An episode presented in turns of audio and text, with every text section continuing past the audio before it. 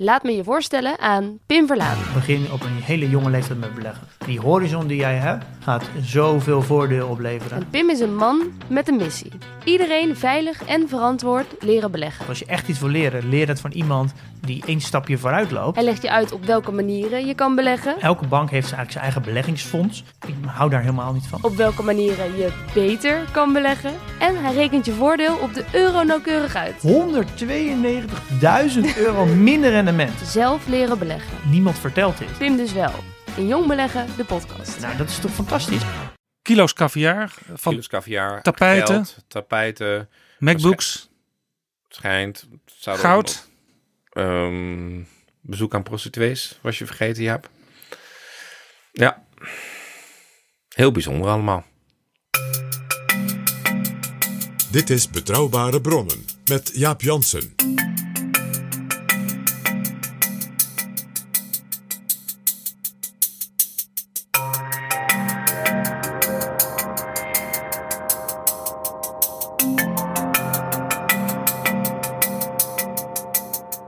Hallo, welkom in Betrouwbare Bronnen aflevering 18, de laatste in 2018. Straks praat ik met Pieter Omtzigt, CDA Tweede Kamerlid, maar ik spreek hem vooral omdat hij ook lid is van de parlementaire assemblee van de Raad van Europa. En in die rol heeft hij de afgelopen jaren iets heel bijzonders gedaan, wat in Nederland niet zoveel mensen weten. Hij bond de strijd aan tegen corruptie bij zijn eigen collega's in die Raad van Europa. Op het moment dat je ziet dat mensen 2 miljoen aannemen, ja, echt, dan is het voor mij ook geen enkele moeite om te zeggen, nou ja, hier wil ik niet mee samenwerken, dit moet uitgezocht worden. In de Raad van Europa zitten ongeveer alle landen die zich Europees noemen. Bijvoorbeeld ook Rusland, Turkije en Azerbeidzjan, waar je bij corruptie wel iets kunt bedenken. De denkfout, die ik misschien aan het begin zelf ook wel gemaakt heb, om te denken dat West-Europese politici hier niet aan mee zouden doen, niks was minder waar.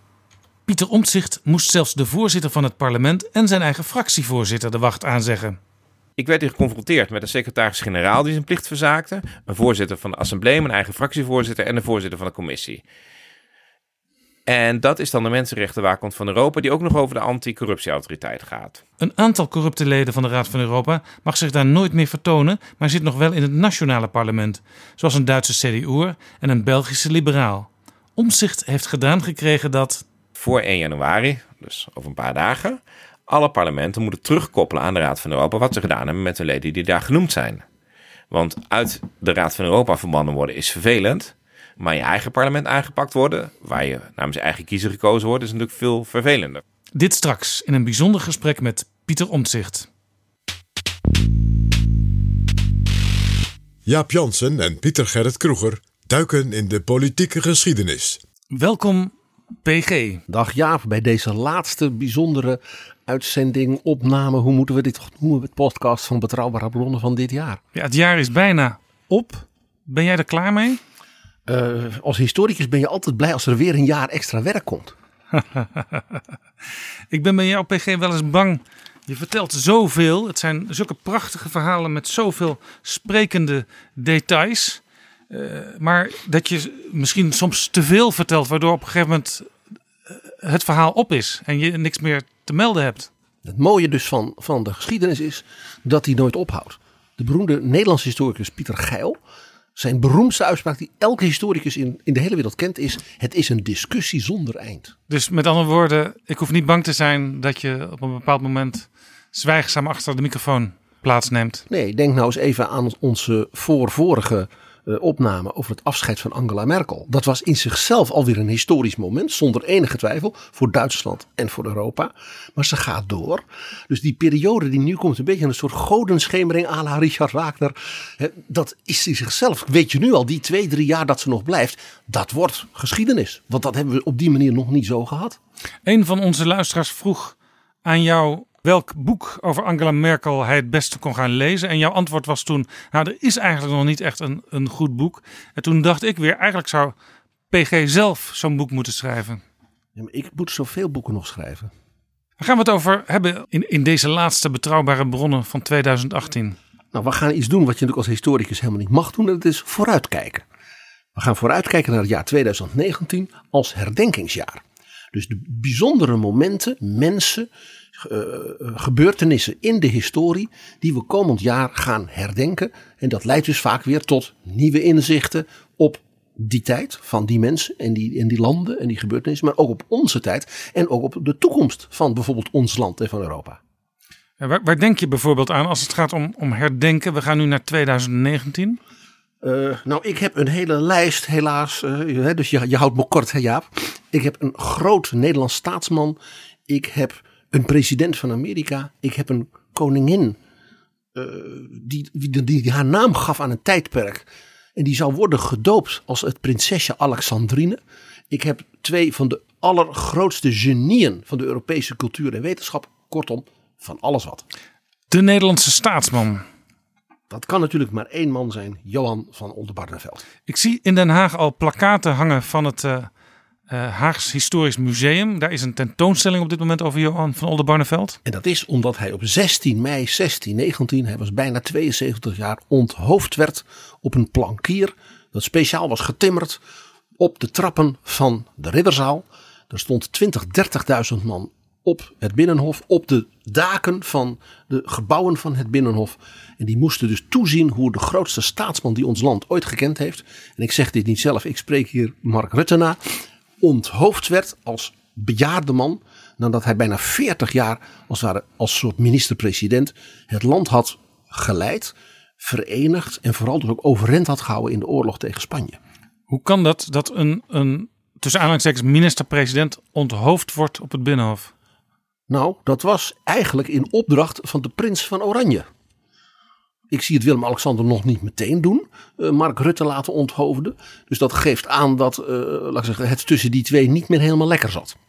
Dat had te maken met dat de prins in die periode, dat was het zogenaamde twaalfjarig bestand, had hij dus als militair leider, want dat was hij primair, niks te doen. Dus zijn positie bladderde langzaam af. En de oude Oldenbarneveld als vredestichter, als onderhandelaar ook met, met Frankrijk, met Spanje, zijn positie werd ook door zijn leeftijd en zijn ervaring alleen maar sterker. Ook omdat het natuurlijk heel erg goed ging met Holland en Zeeland, ook economisch. Dus die republiek bloeide op, politiek, diplomatiek en economisch. En de prins was gewoon jaloers. Nou, toen is er een conflict ontstaan binnen de protestante kerken in Nederland. Met name dus wat toen heette de, de hervormde kerk. Dat was dus de, de nationale Calvinistische kerk. Tussen zeg maar de lochten, de lichten en de zware broeders. En de zware broeders wonnen met steun van de prins. En Oldenbarneveld, die een heel gelovig man was, dus dat was niet het punt. Die zei, maar die lichten, de mensen die wat ruimer willen denken, die moeten een kans krijgen. Ook met oog op bijvoorbeeld alle buitenlanders in ons land. Denk aan de hugenoten. Denk ook aan de Joden. Denk aan de Luthersen uit Duitsland en Scandinavië. Die moeten ook het gevoel hebben dat ze bij ons hun geloof kunnen beleiden. Met andere woorden, wat je tegenwoordig wel eens hoort, ik wil burgemeester zijn van alle Amsterdammers of premier van alle Nederlanders. Die houding had Van Oldenbarneveld ook dat hele idee van dat je als staatsman er bent voor iedereen, dat komt van Oldenbarneveld. Die was dus niet iemand van één partij. Hij was bijvoorbeeld ook de burgemeester van Rotterdam. Eh, daarom staat ook een groot standbeeld van Oldenbarneveld voor het stadhuis van Rotterdam. En, Voorganger van Abu Talib dus. Juist. Hij was de Ahmed Oldenbarneveld van die tijd. En uh, en eigenlijk ook net als, als, als Abu Talib, iemand die er zeer aan hechtte dat hij ongeacht waar hij zelf vandaan kwam, hij dus als onpartijdig en ook boven de partijen werd erkend. En zo werd hij dus in Europa ook gezien en ook als staatsman dus zeer geëerd.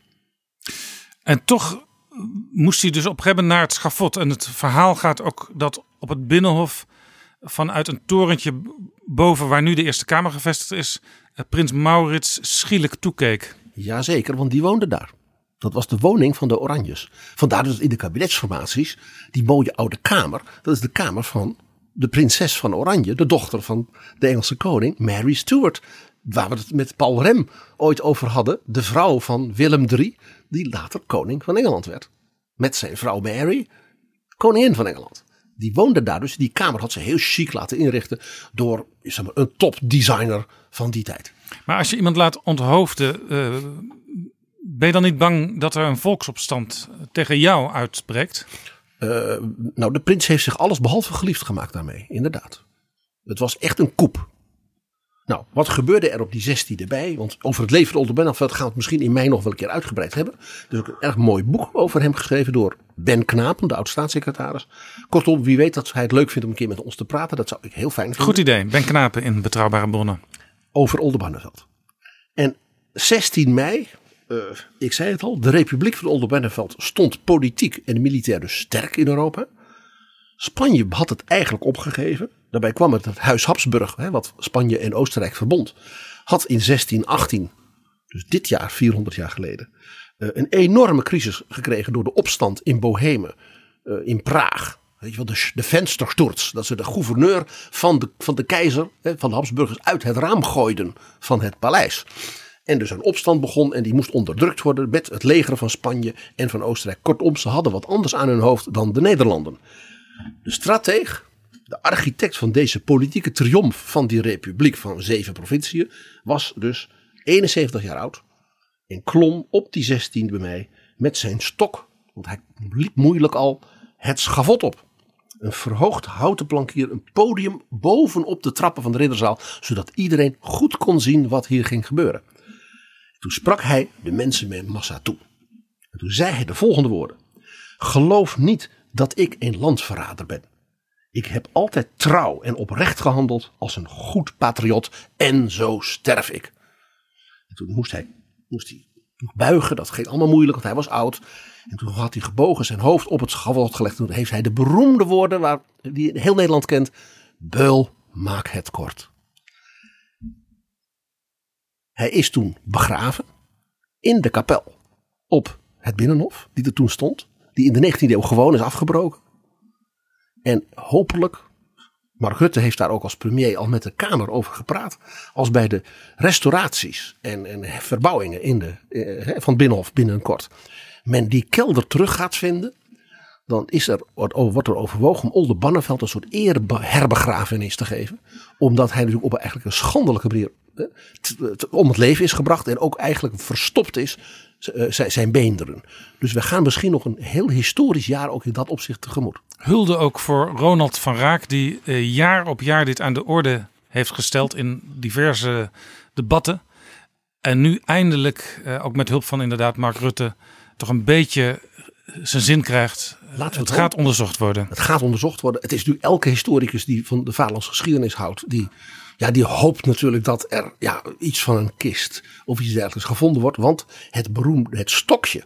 Waarmee hij dus altijd liep over het Binnenhof hè, in Rotterdam. En waarmee hij dus ook met moeite die houten trap opging. Dat stokje is bewaard. En dat ligt in, dat, in die tentoonstelling in het Haagse Historisch Museum. Dat is wat je noemt een kleinoot van de Nederlandse geschiedenis.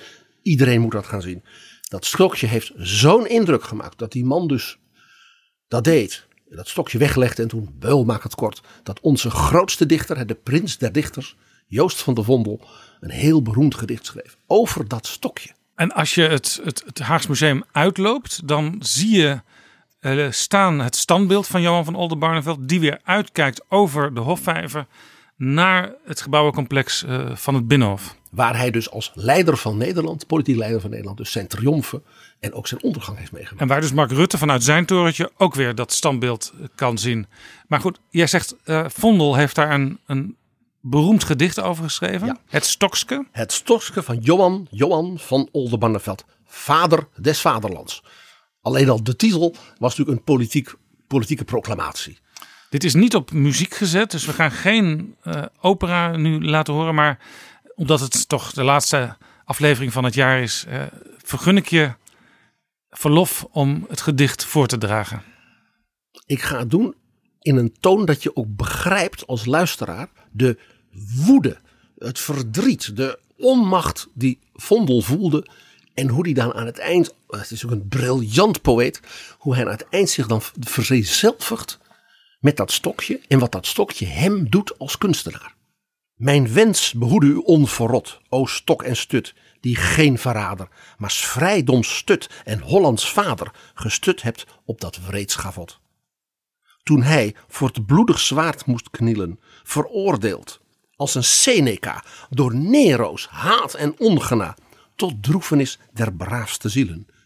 Gij zult nog jaren achtereen de uitgang van die held getuigen en hoe geweld het recht, recht dorpt buigen tot smaad der onderdrukte steden. Hoe dikwijls strekt gij onder het stappen naar het Hof der Staten statig aan, hem voor een derde voet in het gaan en klimmen op de hoge trappen. Als hij, belast van ouderdom, papier en schriften, overleunde en onder het lastig landspak steunde, wie ging zo krom gebrukt nooit krom. Gij rusten van uw trouweplichten, na het, na het rusten van die oude stok. Geknot door het bloedsraads bittere wrok. Nu stut en stijft gij nog mijn dichten. Het Stokske van Van Oldenbarneveld, gedicht van Joost van den Vondel.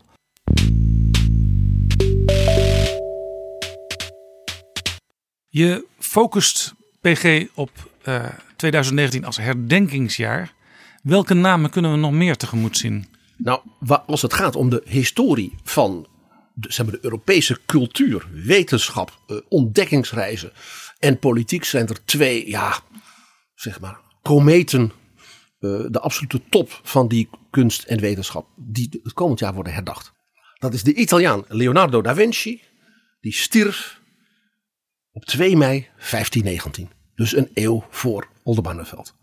En nog één, een Duitser, Alexander von Humboldt, het universeel genie, dat woord mag je rustig gebruiken, die in 1769, dus 250 jaar geleden, werd geboren en 160 jaar geleden in 1859 stierf. Hij werd dus 90. En die man heeft dus werkelijk, zeg maar, eh, nou, eh, 70, 75 jaar alleen maar wetenschappelijk onderzoek gedaan, eh, wetenschap bedreven, was ook groot diplomaat, een man van ongekende klasse en allure. Even over eh, Leonardo. Eh, die kennen we misschien toch wel eh, het beste. Maar wat vind jij vooral belangrijk als we het over Leonardo da Vinci hebben? Da Vinci was eh, typisch eh, het, zeg maar, het zinnenbeeld in de Europese cultuur van de alleskunner. De tienkamper. Hij was een groot schilder. Hè, wij kennen zijn schilderijen. Daar zijn er trouwens niet eens zo heel veel van bewaard. Hij heeft hele grote fresco's geschilderd. Daar zijn er heel weinig van bewaard. Want de techniek eh, die hij daarvoor gebruikte was niet slim. Nou ja, we kennen natuurlijk het laatste avondmaal. Waar eigenlijk nog een schaduw op die wand in Milaan. eh, in dat klooster hangt. En dan nog zie je hoe geniaal dat was. Maar je ziet altijd bij hem ook de wiskundige. De wetenschapper, de mathematicus. Het is altijd die lijnen die in het, in het verschiet gaan. Het is allemaal heel berekend en berekenend. Hij probeerde toch ook te gaan vliegen? Hij heeft alles geprobeerd. Hij ontwierp dus eh, eh, stoomwagens, eh, vliegtuigen. de parachute heeft hij uitgevonden.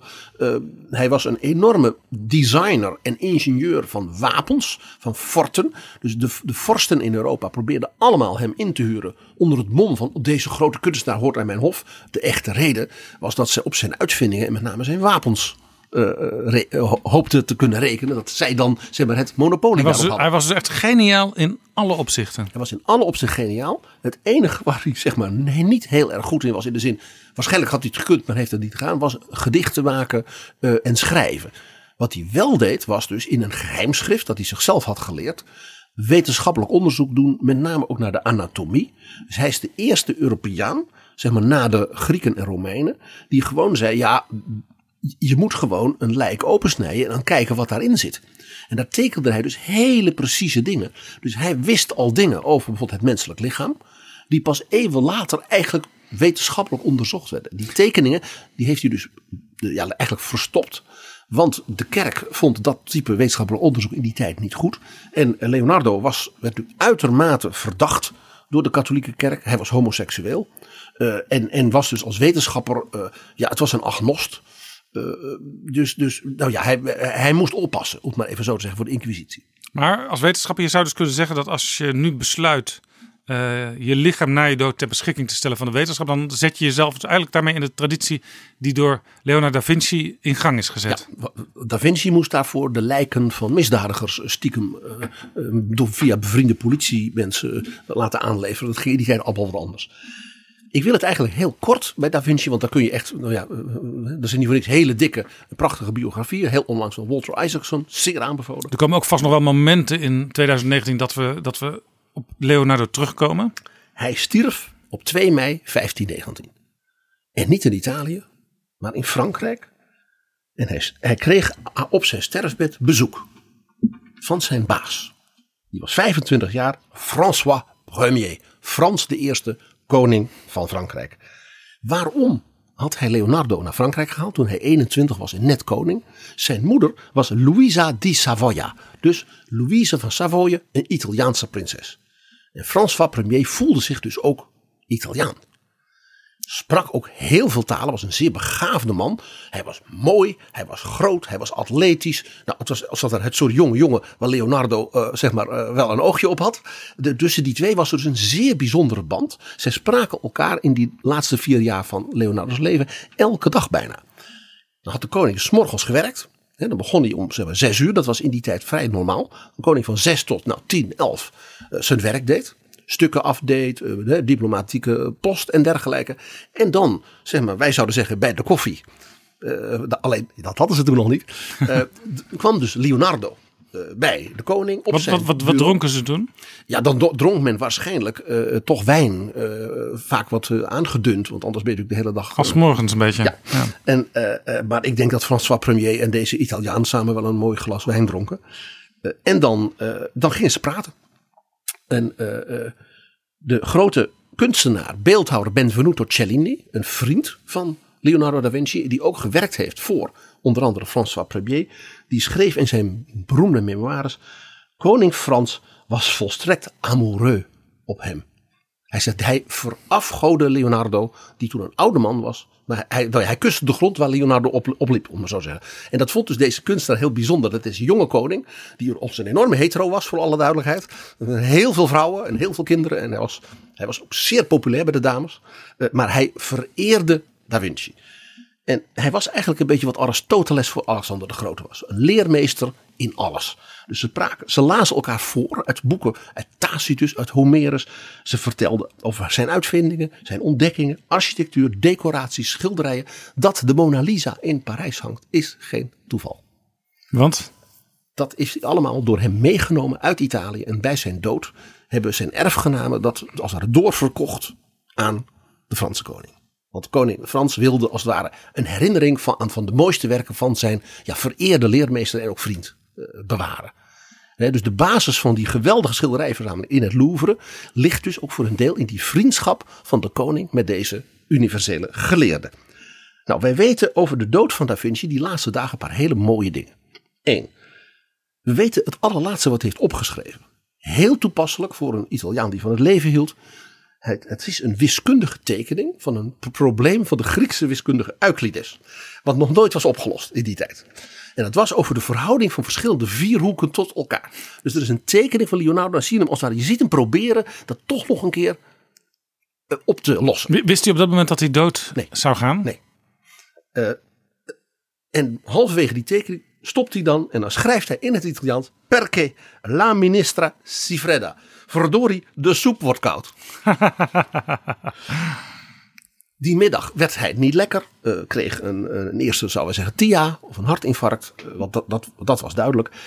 En toen begreep hij zelf door zijn anatomische studies dat hij als man van nou, uh, in de 60, dat was in die tijd dus hoogbejaard. Ja, dat het wel dat het de over, juiste leeftijd was langzamerhand. Ja. Dus de koning kreeg een berichtje. En François is dus meteen hij was op jacht uiteraard, of bij een van zijn andere kastelen. En is dus in grote snelheid naar, het, naar de Loire gegaan. Paarden, koetsen. Juist, te paard om, om afscheid te nemen van Leonardo. En op dat ziekbed heeft hij dus de koning uitgebreid verslag gedaan van zijn observaties met hoe dat dan gaat met het menselijk hart. Als je dus een hartaanval krijgt. Dat had hij dus allemaal zitten noteren zodat de koning dat wist. Hij bleef dus ook met zijn leerling op een soort niveau communiceren als, toch als waarnemer bijna, ja. hè, als wetenschapper. Nou, uh, uh, de lange, atletische, charismatische vorst nam hem toen in zijn armen. Dat is zeer ontroerend, en, want toen voelde hij, er komt een, een nieuw hartinfarct en dat kon wel eens het laatste zijn. En ik lees nu voor uit het leven van Leonardo van Giorgio Vasari, de grote Italiaanse renaissance-historicus. De koning stond op en hield zijn hoofd vast om hem te koesteren. En in zijn levenseinde zijn gunst te doen voelen om zijn lijden te verlichten. Leonardo's goddelijke geest was bewust dat hij geen hogere eer kon krijgen en blies in de armen van de koning zijn laatste adem uit. Wat heeft de koning gedaan? Die heeft hem laten begraven in de kerk van zijn eigen kasteel, het Château d'Amboise. En nog steeds aan de Loire in dat kapelletje is dus het graf van Leonardo da Vinci. Is, is bekend hoe lang ze daar eh, samen hebben gezeten aan dat ziekbed? Een uur. Een uur. Hij heeft dus met hem gepraat en dit en dit. En toen voelde hij er komt opnieuw een hartinfarct. En dat, dat bleek dus ook inderdaad het laatste te zijn. Ja, ja. Dat is een heel beroemd schilderij van Ingres uit de 19e eeuw. Dat is eh, François Premier. Die dus de, de stervende Leonardo in zijn armen houdt. Dan noemde jij een nog heel andere naam, Alexander van Humboldt. Ja, Alexander van Humboldt. eh, ik zal het maar heel eerlijk zeggen, een held van mij. Eh, die- dat was de, de grootste van allemaal in, van die tijd. En ook de langst levende van die generatie die wij kennen als de Weimarer Klassiek, de Founding Fathers in Amerika en de mensen van de Franse Revolutie. Hij was met al die mensen ook bevriend. Hij had een ongekend vriendennetwerk van de wereldtop. Hij kende dus iedereen. Hij kende Goethe. Hij was een vriend, zelfs een zeer warme vriend van Friedrich Schiller, de grote dichter. Ja. Napoleon kende hem. Napoleon kende hem en hij kende Napoleon. Napoleon haatte Alexander van Humboldt. Zullen we zo vertellen. Maar zo ging dat in die tijd. Hè? De, de, de grote geesten die waren ook aan, je vertelde het eigenlijk net al bij Leonardo, die waren aan het hof, eh, kwamen ze vaak op bezoek en eh, ze kregen ook vaak bezoek van, van belangrijke mensen. Er was een soort intellectuele gemeente van de Europese cultuur die wereldomspannend was. Want wie was ook een vriend van Alexander van Humboldt? Thomas Jefferson. De president van Amerika, de schrijver van de Declaration of Independence. Thierry Baudet zou zoiets een kartel noemen. Ja, tsaar Nicolaas I van, van Rusland was een groot bewonderaar van hem. Eh, die kennen wij in Nederland als natuurlijk de broer van Anna Paulowna, onze koningin. Eh, Darwin heeft speciaal toen eh, Humboldt een keer in Engeland was, in Londen, dus belet bij hem gevraagd om hem ja, de hand te schudden en zijn bewondering over te brengen. Hij werd dus zeer geïnspireerd door, voor zijn reizen en theorieën door, je raadt het al, van Humboldt. Dan hebben we zijn broer Wilhelm. En dan hebben we natuurlijk de allermooiste vrouw uit de Duitse geschiedenis. De koningin Louise van Preußen. Dat was een groot bewonderaar van hem. En die zorgde dat haar zoon door hem begeleid. Hij begeleidde haar zoon bij zijn grand tour door Europa. Elke prins moest dan langs naar de Vesuvius en naar Rome en de alle oudheden. En wie moest dan mee? Alexander van Humboldt. En ik kan me voorstellen dat in Duitsland eh, die naam heel veel zal klinken het komende jaar. Gaan we er ook in Nederland wat van horen, denk je? Nou, ik zou het hopen. Ehm, eh, interessanter is natuurlijk nog een land waarin die naam enorm zal klinken. En dat is de Verenigde Staten. Eh, het allermooiste en beste boek van de afgelopen jaren over Alexander van Humboldt. eh, dat heet de, de, The Invention of, Nat- of Nature. De uitvinding van de natuur. De Nederlandse titel De Uitvinder van de Natuur. Dus de titel van de uitgeverij had weer precies niet begrepen wat de auteur met die titel wilde zeggen, helaas. Zo raar. Ja, het is treurig. En eh, eh, hij, er zijn dus heel veel bergen en rivieren en wat dan niet in de Verenigde Staten die Humboldt heten. De staat Washington, hè, waar Seattle nu ligt, eh, die zou eigenlijk Humboldt heten. Maar omdat men dat toen een beetje te, te buitenlands vond, geloof ik, hebben ze dat dan toch maar vernoemd naar de eerste president. Maar eigenlijk had je dus California, Oregon, Humboldt gehad. En dit boek, dit boek dat zou dan nu eigenlijk ook op, de, op het nachtkastje van eh, Donald Trump moeten liggen. Dat zou je denken. Dat zou je denken. Eh, die komt tenslotte ook uit Duitsland. Eh, om een idee te geven. Trump. Wat, wat Goethe, en dat was een man met, zal ik het maar netjes zeggen, een behoorlijk zelfvertrouwen. Natuurlijk een geniaal dichter, staatsman, diplomaat, minister-president van Weimar, natuurkundige, ook, hè, ook een dus een onderzoeker. Die zei over Alexander van Humboldt, die dus zeg, zeker twintig jaar jonger was dan hij. Een uur praten met Alexander geeft je twee weken stof om over na te denken. En toen was dus Alexander van Humboldt 21 of 22 toen al begreep dus een, zelfs een man als Goethe dat hij dus een, een einzigartige eh, eh, geleerde en, en intellectueel was. Nou, zijn moeder stierf eh, van, de, van Alexander. Hij werd daardoor een van de rijkste mannen van Europa door de erfenis. Goethe heeft die erfenis voor hem geregeld, want dat waren geen dingen waar hij nog van hield. Goethe deed dus de, de zakelijke afhandeling. En toen had hij dus Goethe zo- als boekhouder. ja, inderdaad, als bankier ook. Het is fascinerend hè, hoe die mensen, dus, hoe dat, de interactie Ja. van die mensen. En toen heeft hij dus het mogelijk gemaakt dat Humboldt zijn droom vervulde, namelijk een ontdekkingsreis naar Zuid-Amerika. En heeft dus de Orinoco, de Amazone, dat hele gebied doorwandeld. Alles genoteerd wetenschappelijk. Zijn verslagen van dat soort reizen zijn tussen de 25 en 40 delen. In het Frans uiteraard, want dat was de taal die iedereen kon lezen hè, in die tijd. Eh, hij heeft dus in de Andes eh, heeft hij dus allerlei metingen gedaan. Ontdekte dat het in Ecuador, de, de vulkaan de Chimborazo, dat dat de hoogste berg op aarde was. Want men kende de Himalaya toen nog niet. Dus hij zei tegen zijn vriend Aimé Bonpland, met wie hij samen reisde. Want ook Alexander van Humboldt was homoseksueel. Dus toen zijn ze samen die berg gaan beklimmen. Zonder dus eh, eh, zuurstof en wat niet. Gewoon met een, nou, een stokje à la Oldenmannenveld. De berg op, door de sneeuw. Want het was een vulkaan en hij wilde dus bovenin in die vulkaan kunnen kijken. Zo'n man was dat. Ja. Nou, de tsaar heeft hem daarna ingehuurd, lach niet, om Siberië in kaart te brengen.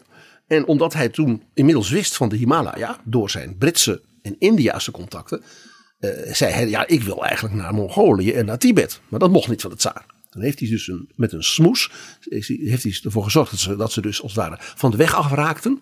Dus ze waren dus het weg kwijt. En bij de weg kwijt, hij had natuurlijk precies kaarten, hij wist precies waar hij was. En toen kwam hij ineens bij het Altai-gebergte op de grens van Mongolië, China en Rusland. En dan heeft hij dus toch de Himalaya gezien.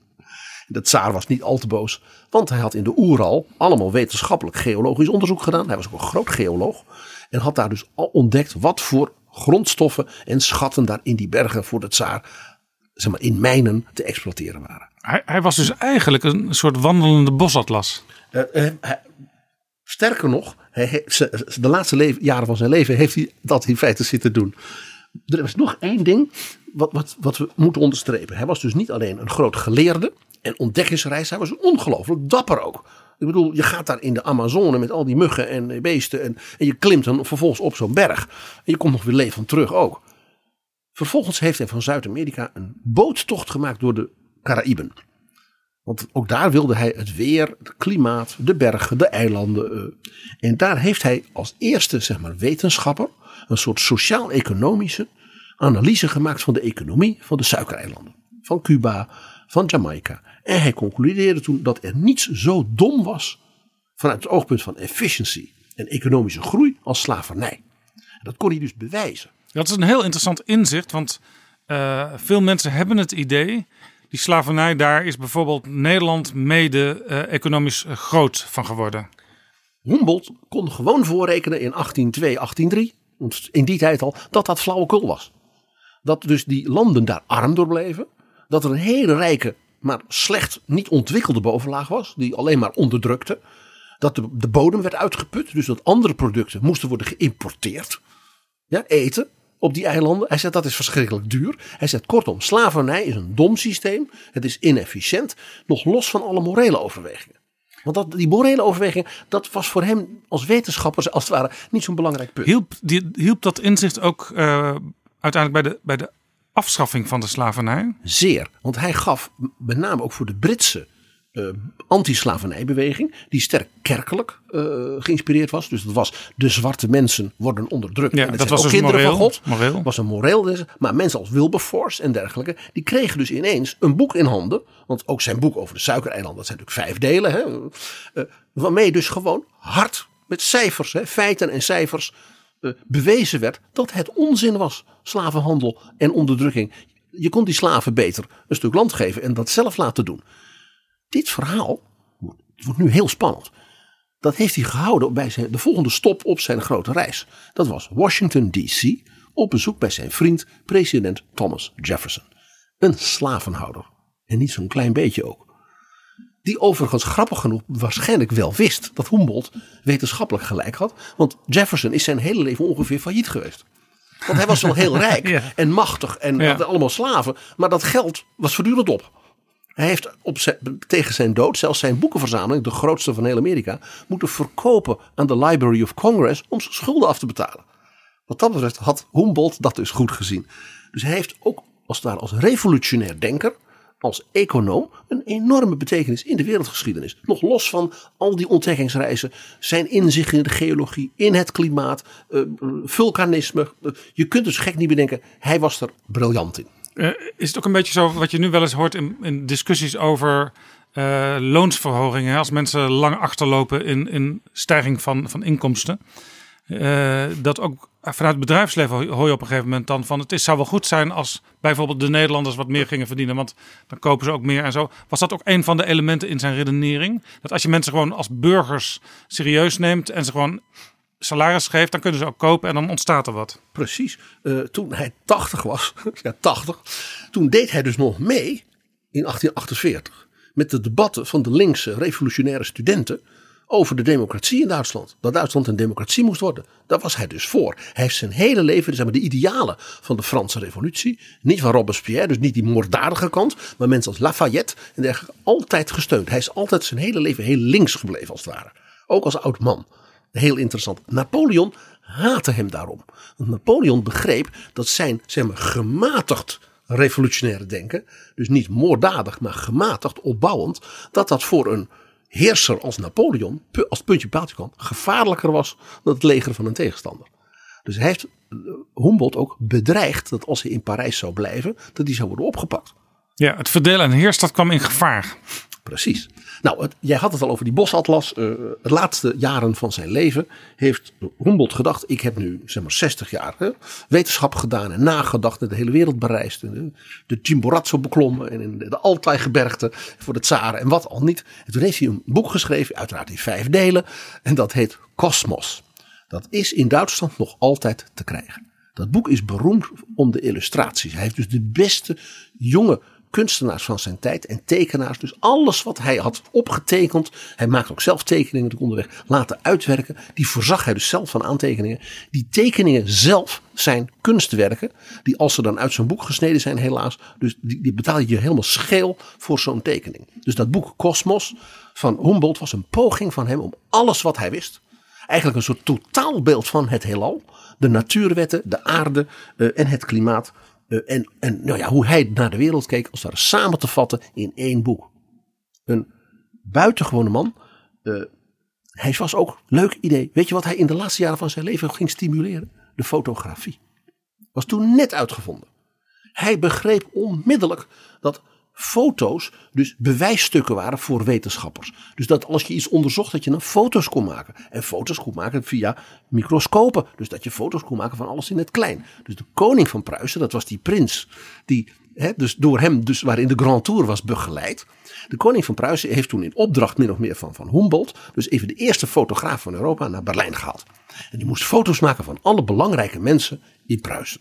Uiteraard de koning, de koningin, zijn oude moeder, zijn tante. die het- En dan Ja. tien grote mensen in Berlijn. Onder wie?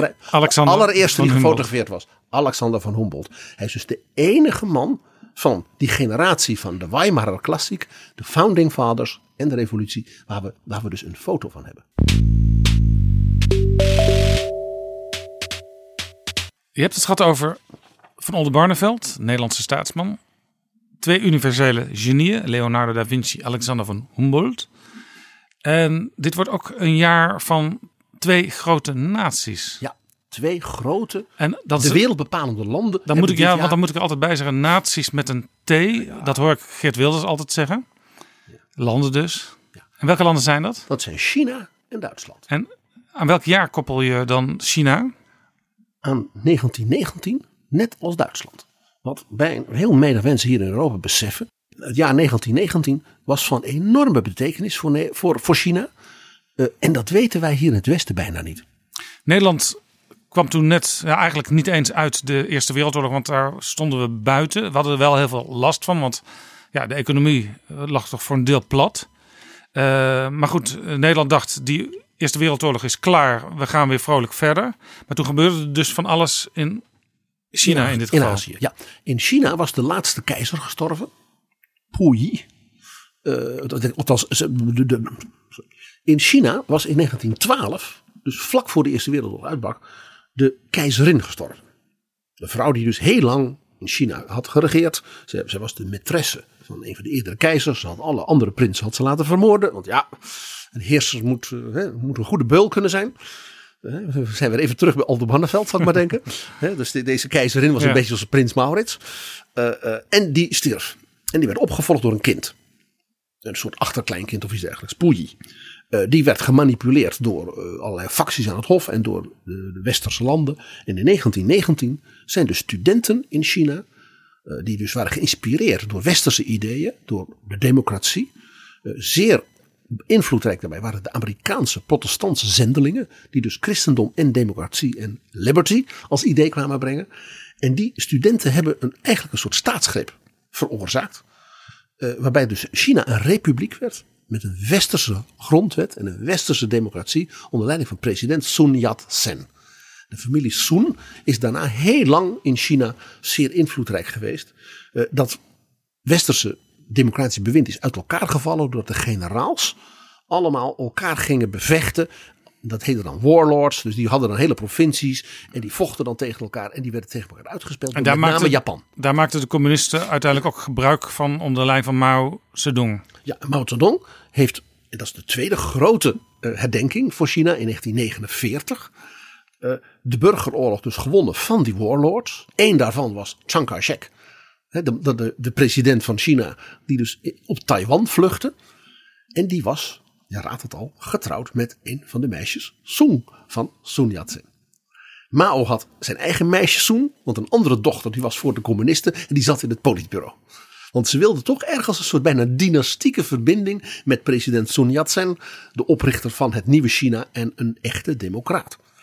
Nou, tien jaar na Mao, 1959, dat zullen de Chinezen ook zeker herdenken, was natuurlijk de grote sprong voorwaarts. Die waanzinnige uh, poging de Chinese economie uh, in communistische zin om te turnen. Die heeft 45 miljoen levens gekost. Door hongersnood en uh, ellende en burgeroorlog. En natuurlijk 1989 wordt ook in China herdacht dit jaar. Maar dat zal worden verboden door het regime. De studentenopstand op het Tiananmenplein. Ja, ik wou net zeggen, het begon dus met studenten. En daar, die beelden die staan mij ook nog scherp op het netvlies. Ik zie nog steeds uh, die man met volgens mij twee boodschappentassen voor een tank staan. Precies. Hij staat daar gewoon rustig te wachten, kijken of er ergens beweging komt. En als die tank dan probeert om hem heen te rijden, dan loopt hij met die tank mee. Ja, een beetje spelen. Ja, en dat, maar dat idee dat, dat de studenten, als er in China een soort bijzondere uh, uh, bevolkingsgroep zijn die als er het recht heeft de toekomst te bepalen, dat komt dus uit 1919 dat Mao dus de studenten gebruikte in wat hij later de culturele revolutie noemde in 1966. He, bestormt de hoofdkwartieren was daarvan de, was de titel van Mao voor, die voor de Rode Gardes, he, zoals werd genoemd. Dat was dus teruggrijpen op dat stukje Chinese geschiedenis.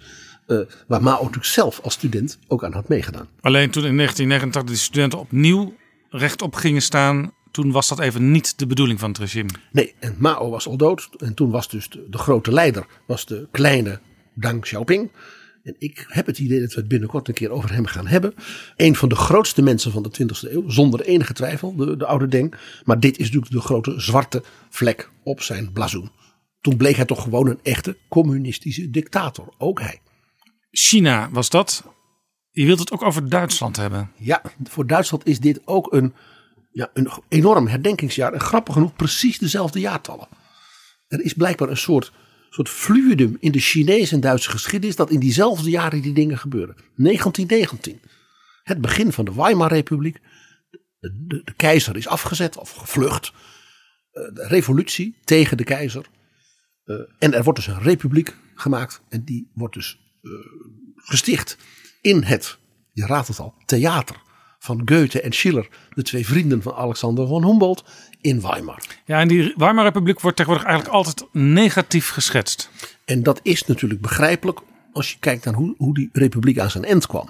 Maar als poging om een brede, vooruitstrevende republiek, zeg maar van het midden, van ook compromis tussen de sociaaldemocraten, de liberalen en zeg maar, de christelijken, dat was in Duitsland met name de katholieke partij het Centrum, was dat eh, eigenlijk een hele moedige poging om van dat verslagen Duitsland toch weer wat te maken. Nou, een van de politici van die partij Centrum was de burgemeester van Keulen, Konrad Adenauer. Dat was dus al een toppoliticus in de tijd van keizer Wilhelm II. Ja, dat is echt een van de grootste namen uit de moderne Duitse geschiedenis. De oprichter van 1949, net als Mao, van die tweede poging iets moois te maken van Duitsland. Wat wij dan West-Duitsland noemden de Bondsrepubliek, waar hij dus de eerste kanselier van was. Hij was 73 toen hij dat werd. Zei tegen het partijbestuur van de CDU, waar mevrouw Merkel hè, onlangs afscheid nam als voorzitter en dus als zijn opvolger. Ja, zei Adenauer, ik heb met mijn kinderen gepraat en met, met mijn dokter. En die zegt, nou, her dokter Adenauer, twee jaar, dat moet kunnen. U bent 73, maar verder oké qua gezondheid. Twee jaar moet kunnen. Dat hebben ze geloofd. Adenauer bleef 14 jaar tot zijn 87ste. En toen hebben ze hem eigenlijk moeten wegsturen bijna. Want hij vond zichzelf, en dat was helemaal onterecht, onmisbaar. Maar 1919, dat jaartal zal wel niet echt herdacht gaan worden in Duitsland. hè? Als, als het om de Weimar Republiek gaat, waar iedereen toch nu zo negatief over praat. Ik weet wel zeker dat dat wel gaat gebeuren. De Duitsers hebben in dat opzicht een natuurlijk gecompliceerde verhouding met hun geschiedenis, maar leven daar zeer bewust mee. Dus het experiment van een republiek en een democratie zal men zeker huldigen. De SPD zal zeker de eerste president van die republiek, Friedrich Ebert, de partijvoorzitter van de SPD, die zal men herdenken. Ongetwijfeld. En men zal ook, zeker zullen conferenties zijn over de vrede van Versailles, die dus de Weimar-regeerders moesten tekenen. En die eigenlijk daarmee hun ondergang werd, omdat extreem rechts en extreem links daarin een aanleiding vonden om dus de democratie en het midden en het compromis te verachten. Ja. Herdenken is dus ook een manier om het verleden te verwerken en ook om les te trekken. Dat is eigenlijk wat wij ook elke week in Betrouwbare Bronnen doen. Ik weet dus, men zal dus zeker 70 jaar Bondsrepubliek, 70 jaar Konrad Adenauer. Met zijn zeer eigenaardige, eh, eh, eh, merkwaardige, zure humor. En zijn, ook zijn grappen, zijn, zijn, zijn hardheid, zijn sluwheid. Het was dus ge- geen, ik zal het het was geen man van, van, van, van, van grote menslievende allure. Dat was een harde politicus scherpzinnig, gemeen ook af en toe, maar wel de vader des vaderlands van het moderne Duitsland. Ik denk dat we het nog wel een keer over hem hebben het komend jaar. Zijn er nog meer dingen die we gaan zien het komende jaar? Nou ja, 1989, de val van de muur. Het is toch weer 30 jaar. En ook weer Duitsland. En Duitsland, dus ook dat zal men opnieuw herdenken. Kijk, de, met, eh, de, de laatste grote herdenking was natuurlijk 25 jaar. En toen eh, heeft eh, mevrouw Merkel nog al die lampjes aange- aangestoken langs het pad waar vroeger de muur door, Berlijn liep. Samen met Mikhail Gorbachev. Dat was natuurlijk een geweldig gebaar van de Duitse regering, maar ook van het vroegere DDR-meisje Angela Kastner. Aan de man die dus haar en haar landgenoten in de DDR in feite heeft bevrijd. En wat ik toch een beetje raar vind en jammer vind, is dat er staan nog een paar stukjes muur, maar ze hadden wat mij betreft nog wat langere stukken mogen laten staan. Gewoon om het herdenken nog, nog makkelijker te maken. Nou, daar bij de Bernauerstraße, dat is een behoorlijk groot stuk. Dat is ook vrij breed. Dat is ook een prachtige kapel. Om te, te, te herinneren aan ja, alle mensen die daar gestorven zijn. Eh, en een museum. Dus ik, ik, nou, ik, vind, ik vind dat wel meevallen. Dit is Betrouwbare Bronnen. Een wekelijkse podcast met betrouwbare bronnen. Dan is er natuurlijk nog twee mensen waar we het even over moeten hebben. Die dus het komend jaar zullen worden herdacht. Eén, dus laat ik zeggen, met de nodige eh, mitsen en maren. Maar in de jaren van Donald Trump in Amerika zal men het zeker over hem hebben. En één dame, die van een ongekende allure en betekenis is. En naar wie zelfs een compleet tijdperk is vernoemd. Eerst even die man waar Trump misschien wel iets mee heeft. Richard Nixon. Tricky Dick. Tricky Dicky.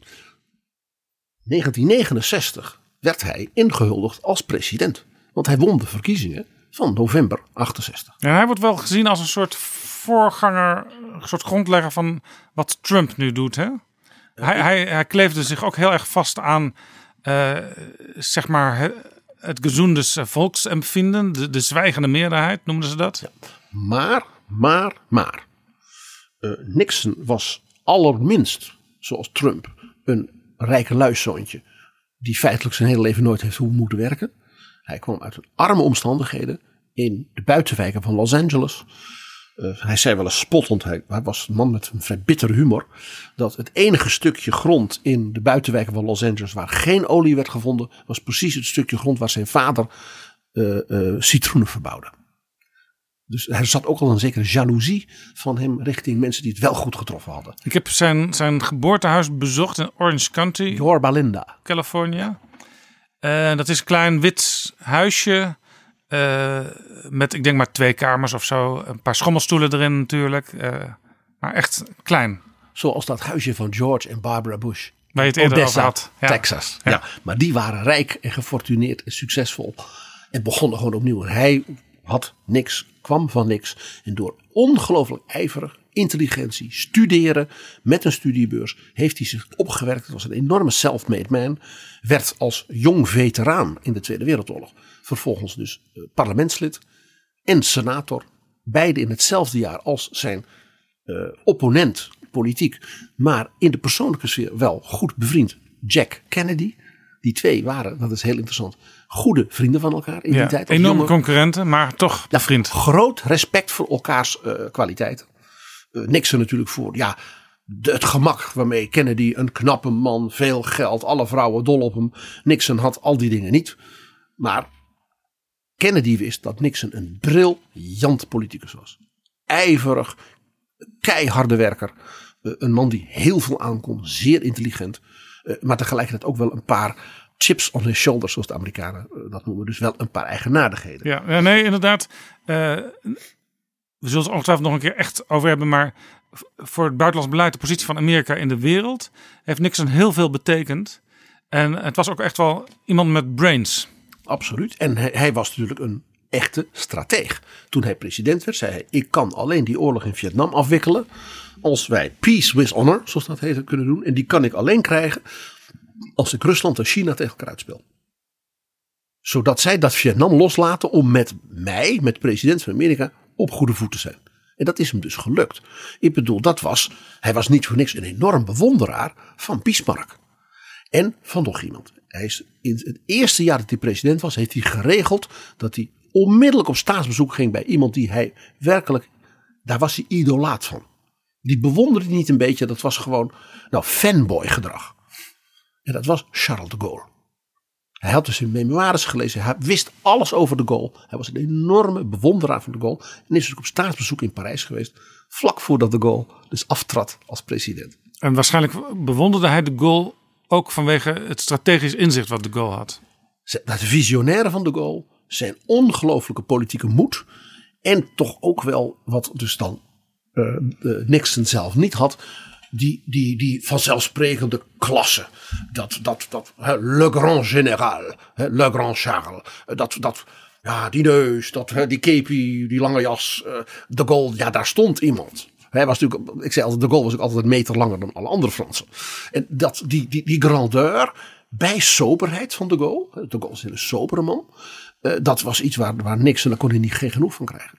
En het, het jaar is dus 1969 het aantreden van Nixon als president. Ja, en eh, nou, daarop heeft hij in zijn eerste termijn eh, natuurlijk de opening naar China gedaan. Naar, Mao. We hadden hier over Mao, die dus op het eind van zijn leven merkte dat het kaartenhuis van zijn communistisch bewind aan het instorten was. En eigenlijk dus door een opening naar het westen, als het ware zich tegen de Sovjet-Unie probeerde te keren. De Amerikanen kregen dus onder Nixon in het diepste geheim in de woestijn in Xinjiang aan dus de Russisch-Chinese grens afluistercentra, elektronische centra. Dat wist niemand. Dat had dus Kissinger, Henry Kissinger, geregeld. Stiekem met Zhou Enlai, de premier van Mao. Dat is pas veel later bekend geworden. eh, dat de Russen dus zeer argwanend waren tegen de Chinezen en tegen Amerika. Was precies wat Nixon wilde. Dus Nixon heeft als strateeg eh, eigenlijk buitengewoon briljant geopereerd. Nou ja, zoals ik al zei, hij had een aantal eigenaardigheden, jaloezie ten opzichte van mensen die beter getroffen hadden. Eh, hij was heel onzeker over zichzelf daardoor.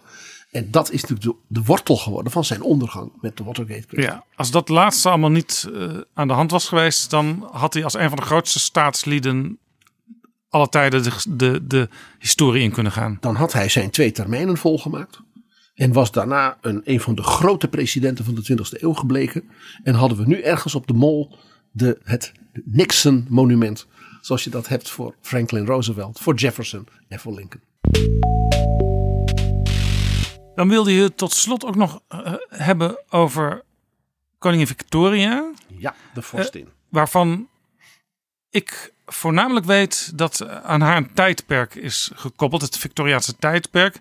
En dat dat vooral ook een heel preuts tijdperk was. Ja, Dat is een, natuurlijk een, pro- een projectie van later. Eh, eh, wist je trouwens dat er iets was tussen Victoria en Richard Nixon? Dat ze een eigenschap gemeen hadden. Een eigenschap. Ehm, Een talent. nee, ik weet dat Nixon die, die, die probeerde natuurlijk het toen preutse deel van Amerika voor zich te winnen als, als kiezer. Dat weet ik. Zij waren alle twee zeer muzikaal en speelden zeer goed piano. En ook graag. Ah. Ja, de, koningin Victoria is een van de meest onwaarschijnlijke vorsten in de Europese geschiedenis. Onwaarschijnlijk in de zin van dat toen zij geboren werd, Ja, want welk jaar koppel je hier aan? 1819. 1819 geboren, 1901 gestorven.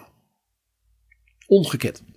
Zo lang. Mooie leeftijd ook. Ja. Ja. En dus een hele bijzondere tijd. Eigenlijk de tijd van Engeland. Dat het, zeg maar, na Napoleon. En Napoleon leefde dus nog toen zij geboren was. Napoleon stierf in 1821. Eh, Alexander van Humboldt had er toen nog 40 jaar op zitten in zijn leven in 1819. Om eens een idee te geven. Ja. Dus zij is geboren in de tijd van ja, de Franse revolutie, de Napoleontische oorlogen.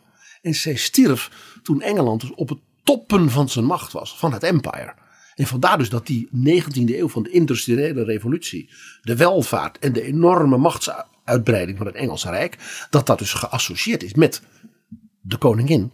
En natuurlijk door Disraeli, haar premier, uitgeroepen tot Empress of India. Ze was keizerin van India en heeft dus daarvoor, dat is ook heel leuk, Hindi geleerd. Zij was een begaafde vrouw als het ging om talen. Ze was dus bereid om er wel iets voor te doen. Ze had ook een bediende in de laatste jaren van haar leven. Die heette Munshi. Dat was een Indiër. En de hof en de ministers waren woedend. Want die man had erg veel invloed op haar beleid.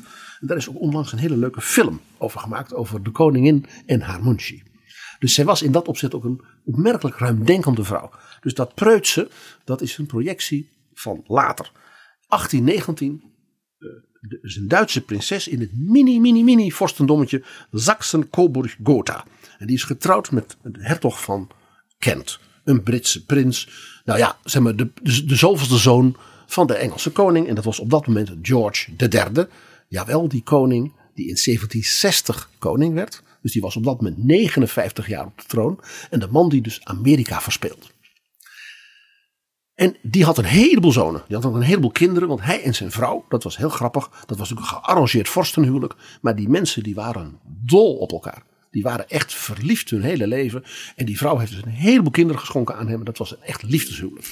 hij was ook de eerste Engelse koning die zelf zijn kinderen opvoedde. En niet alleen maar nannies. Hij hield ook heel erg van zijn kind. Maar dat hij ook tijd voor toen, toen Amerika kwijtgeraakt was. Maar ja, dat was wel heel pijnlijk. Dat, het verhaal daarover doen we een andere keer.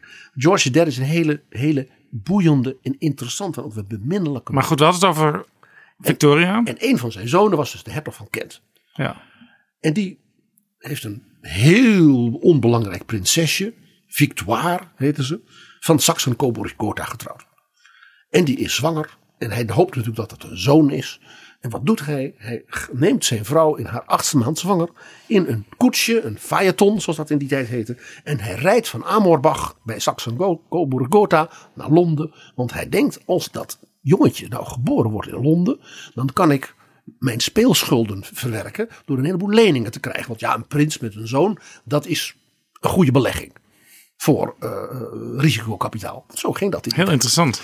Hij was zo arm, had zoveel schulden dat hij geen koetsier kon betalen. Dus deze Engelse prins zat dus op de bok van zijn eigen phaeton koetsje. Met zijn hoogzwangere vrouw achterin en een bediende. En wat spulletjes om in hoog tempo door heel Duitsland en België naar, naar, naar Calais te rijden. En dan in Dover op Engelse grond aan te komen. Zodat dat jongetje een echte Engelsman was.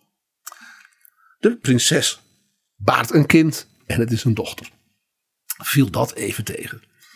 Eh, nou, eh, de koning zegt, ja, er moet, moet iets met dat kind.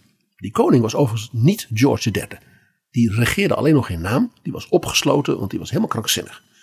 Zijn oudste zoon, later koning George IV, was toen de prins regent. Dus die had het in feite voor te zeggen. En dat was de, de absolute playboy van de, alle Engelse koningen. Een afschuwelijk mens qua karakter. Maar een enorme kunstliefhebber en dol op vrouwen en eten en, en drinken. En, nou ja, zo'n type. Ja, maar in zo'n koningshuis denken ze altijd aan de toekomst. Dus Juist. er is een prinsesje geboren. En ja, dan, moet, dan moeten we dus even kijken wat we daarmee kunnen. Dus wat zei George IV? Die zei tegen zijn broer, zijn jongere broer, de hertog van Kent. Nou, noem dat kind nou maar Alexandrine. Want uh, ik ga aan de Russische uh, ambassadeur vragen of tsaar Alexander, die op dat moment regeerde in Rusland, haar peetvader wil zijn. Nou, het was duidelijk dat uh, de ambassadeur zelfs geen moeite heeft gedaan om dit in Sint-Petersburg te melden. Want die had allemaal uitstelverhalen. Die dacht, dit is natuurlijk een affront. Dat je de tsaar alle Russen, de man die Napoleon had verslagen. Dat je als koning van Engeland of regent van Engeland. En nog de achter, achter, achternichtje, prinsesje. Niet eens een jongen. Nee. Dat Rare je dan, vraag. Ja, dat je dan door dat kind Alexandrine te noemen, hoop je natuurlijk dat hij natuurlijk een enorme hoeveelheid juwelen en goud en geschenken van haar, van haar peetoom krijgt. Die truc kennen we. En de relatie weer verbeterd. Precies. Dus een week duurde dat. En er kwam maar geen reactie van enig niveau uit Sint-Petersburg via die ambassadeur. Dus toen moest dat meisje worden gedoopt. Er zat dus geen naam. En toen heeft die prins Regent uit pure uh, irritatie gezegd: Nou, noem dat wicht dan maar naar haar moeder. Victoire. En zo werd zij in het Latijn Victoria genoemd. Hoe een koningin, wier naam als het ware hè, voor een hele eeuw en een glorietijd van haar land staat. Als het ware per ongeluk. Want het Alexandrina-tijdperk, ik denk niet dat het dat gedaan had. En het Victoriaanse tijdperk, dat doet het wel. Want daar zit ik ook het woord victorie. Ja, triomf. overwinning. Nou, koningin Victoria was net als president Nixon, we hadden over een hele muzikale vrouw. Eh, speelde ook zelf graag eh, piano.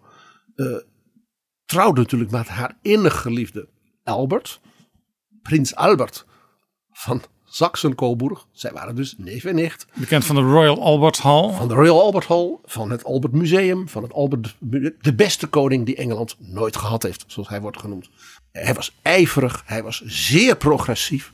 Was een man van. eh, de, de, hij vond de, de- hoe de arbeiders in Engeland werden uitgebuit en verdrukt. Dat vond hij verschrikkelijk. Dus daar heeft hij heel veel voor gedaan. Eh, voor de volkshuisvesting heeft hij ontwerpen van huizen die je goedkoop kon bouwen voor arbeiders. Het was een groot man liefhebber van de wetenschap.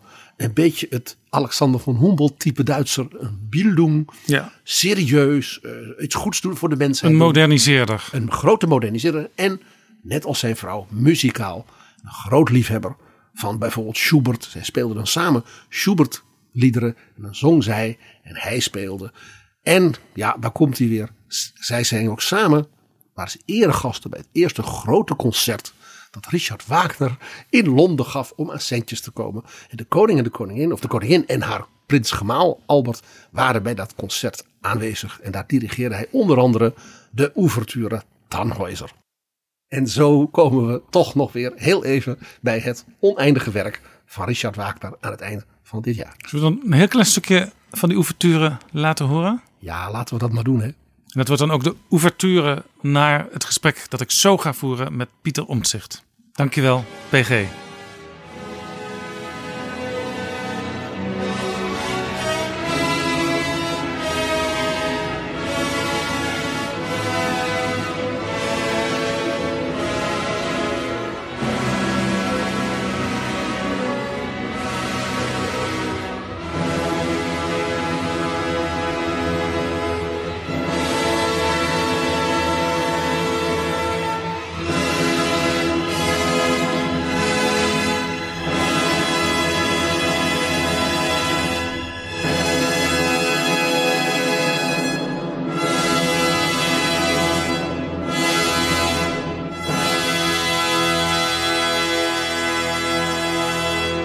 Dit was Pieter Gerrit Kroeger.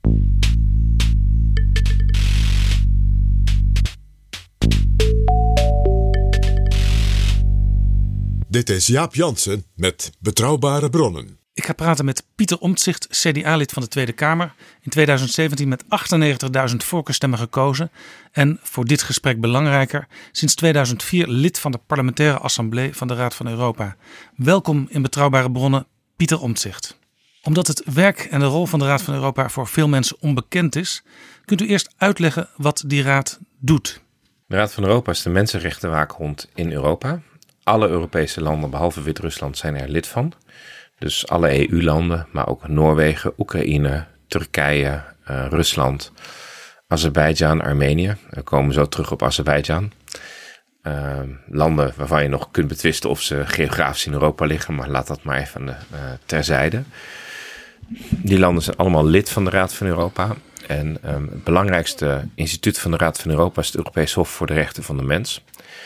Als je vindt dat je mensenrechten geschonden zijn en je kunt in je eigen land je recht niet halen, is dat eigenlijk nog uh, de laatste instantie waar je terecht kunt. En voor meer dan 800 miljoen mensen in Europa is dus een instantie waar je uh, zaken kunt aanspannen. En ja, die zaken gaan natuurlijk bijna altijd tegen je eigen overheid. Want dat is vaak de grootste schender van mensenrechten.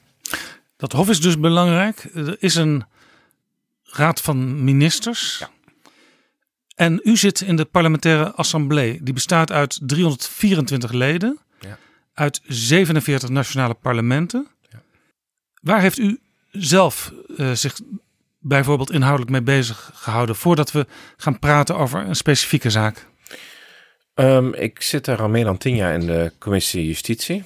En daar zitten eigenlijk de meest spraakmakende rapporten. Het eerste spraakmakende rapport wat daar behandeld werd, was ik nog geen rapporteur, maar was het rapport van Dick Marty. En dat ging over de geheime CIA-vluchten. Toen er geheime gevangenissen waren um, in de War on Terror uh, in Europa, toen was het de Raad van Europa die daarachter kwam. En um, die dat onderzoek startte. En al tijdens dat onderzoek werden die gevangenissen gesloten en werden die um, gevangenen overgebracht naar elders omdat ja, het incommunicale vasthouden van mensen gaat natuurlijk in tegen een aantal fundamentele rechten. Namelijk dat je voor een rechter moet verschijnen, ook als terrorist, um, voordat je vastgezet wordt. Um, zelf heb ik het onderzoek gedaan naar Snowden. Uh, dus ik was de eerste die Snowden interviewde. Um, die werd via satellietverbinding geïnterviewd? Ja, die moest ik via het internet interviewen, omdat we niet konden garanderen, zijn veiligheid niet konden garanderen in Frankrijk. Want Snowden zat, op, zat, Zat in, al in Rusland. in Rusland, Ja. waar die nog steeds zit. Ja.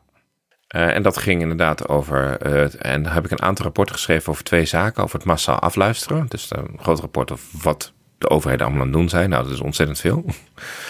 um, daar zouden we echt op uren uh, hier mee kunnen vullen.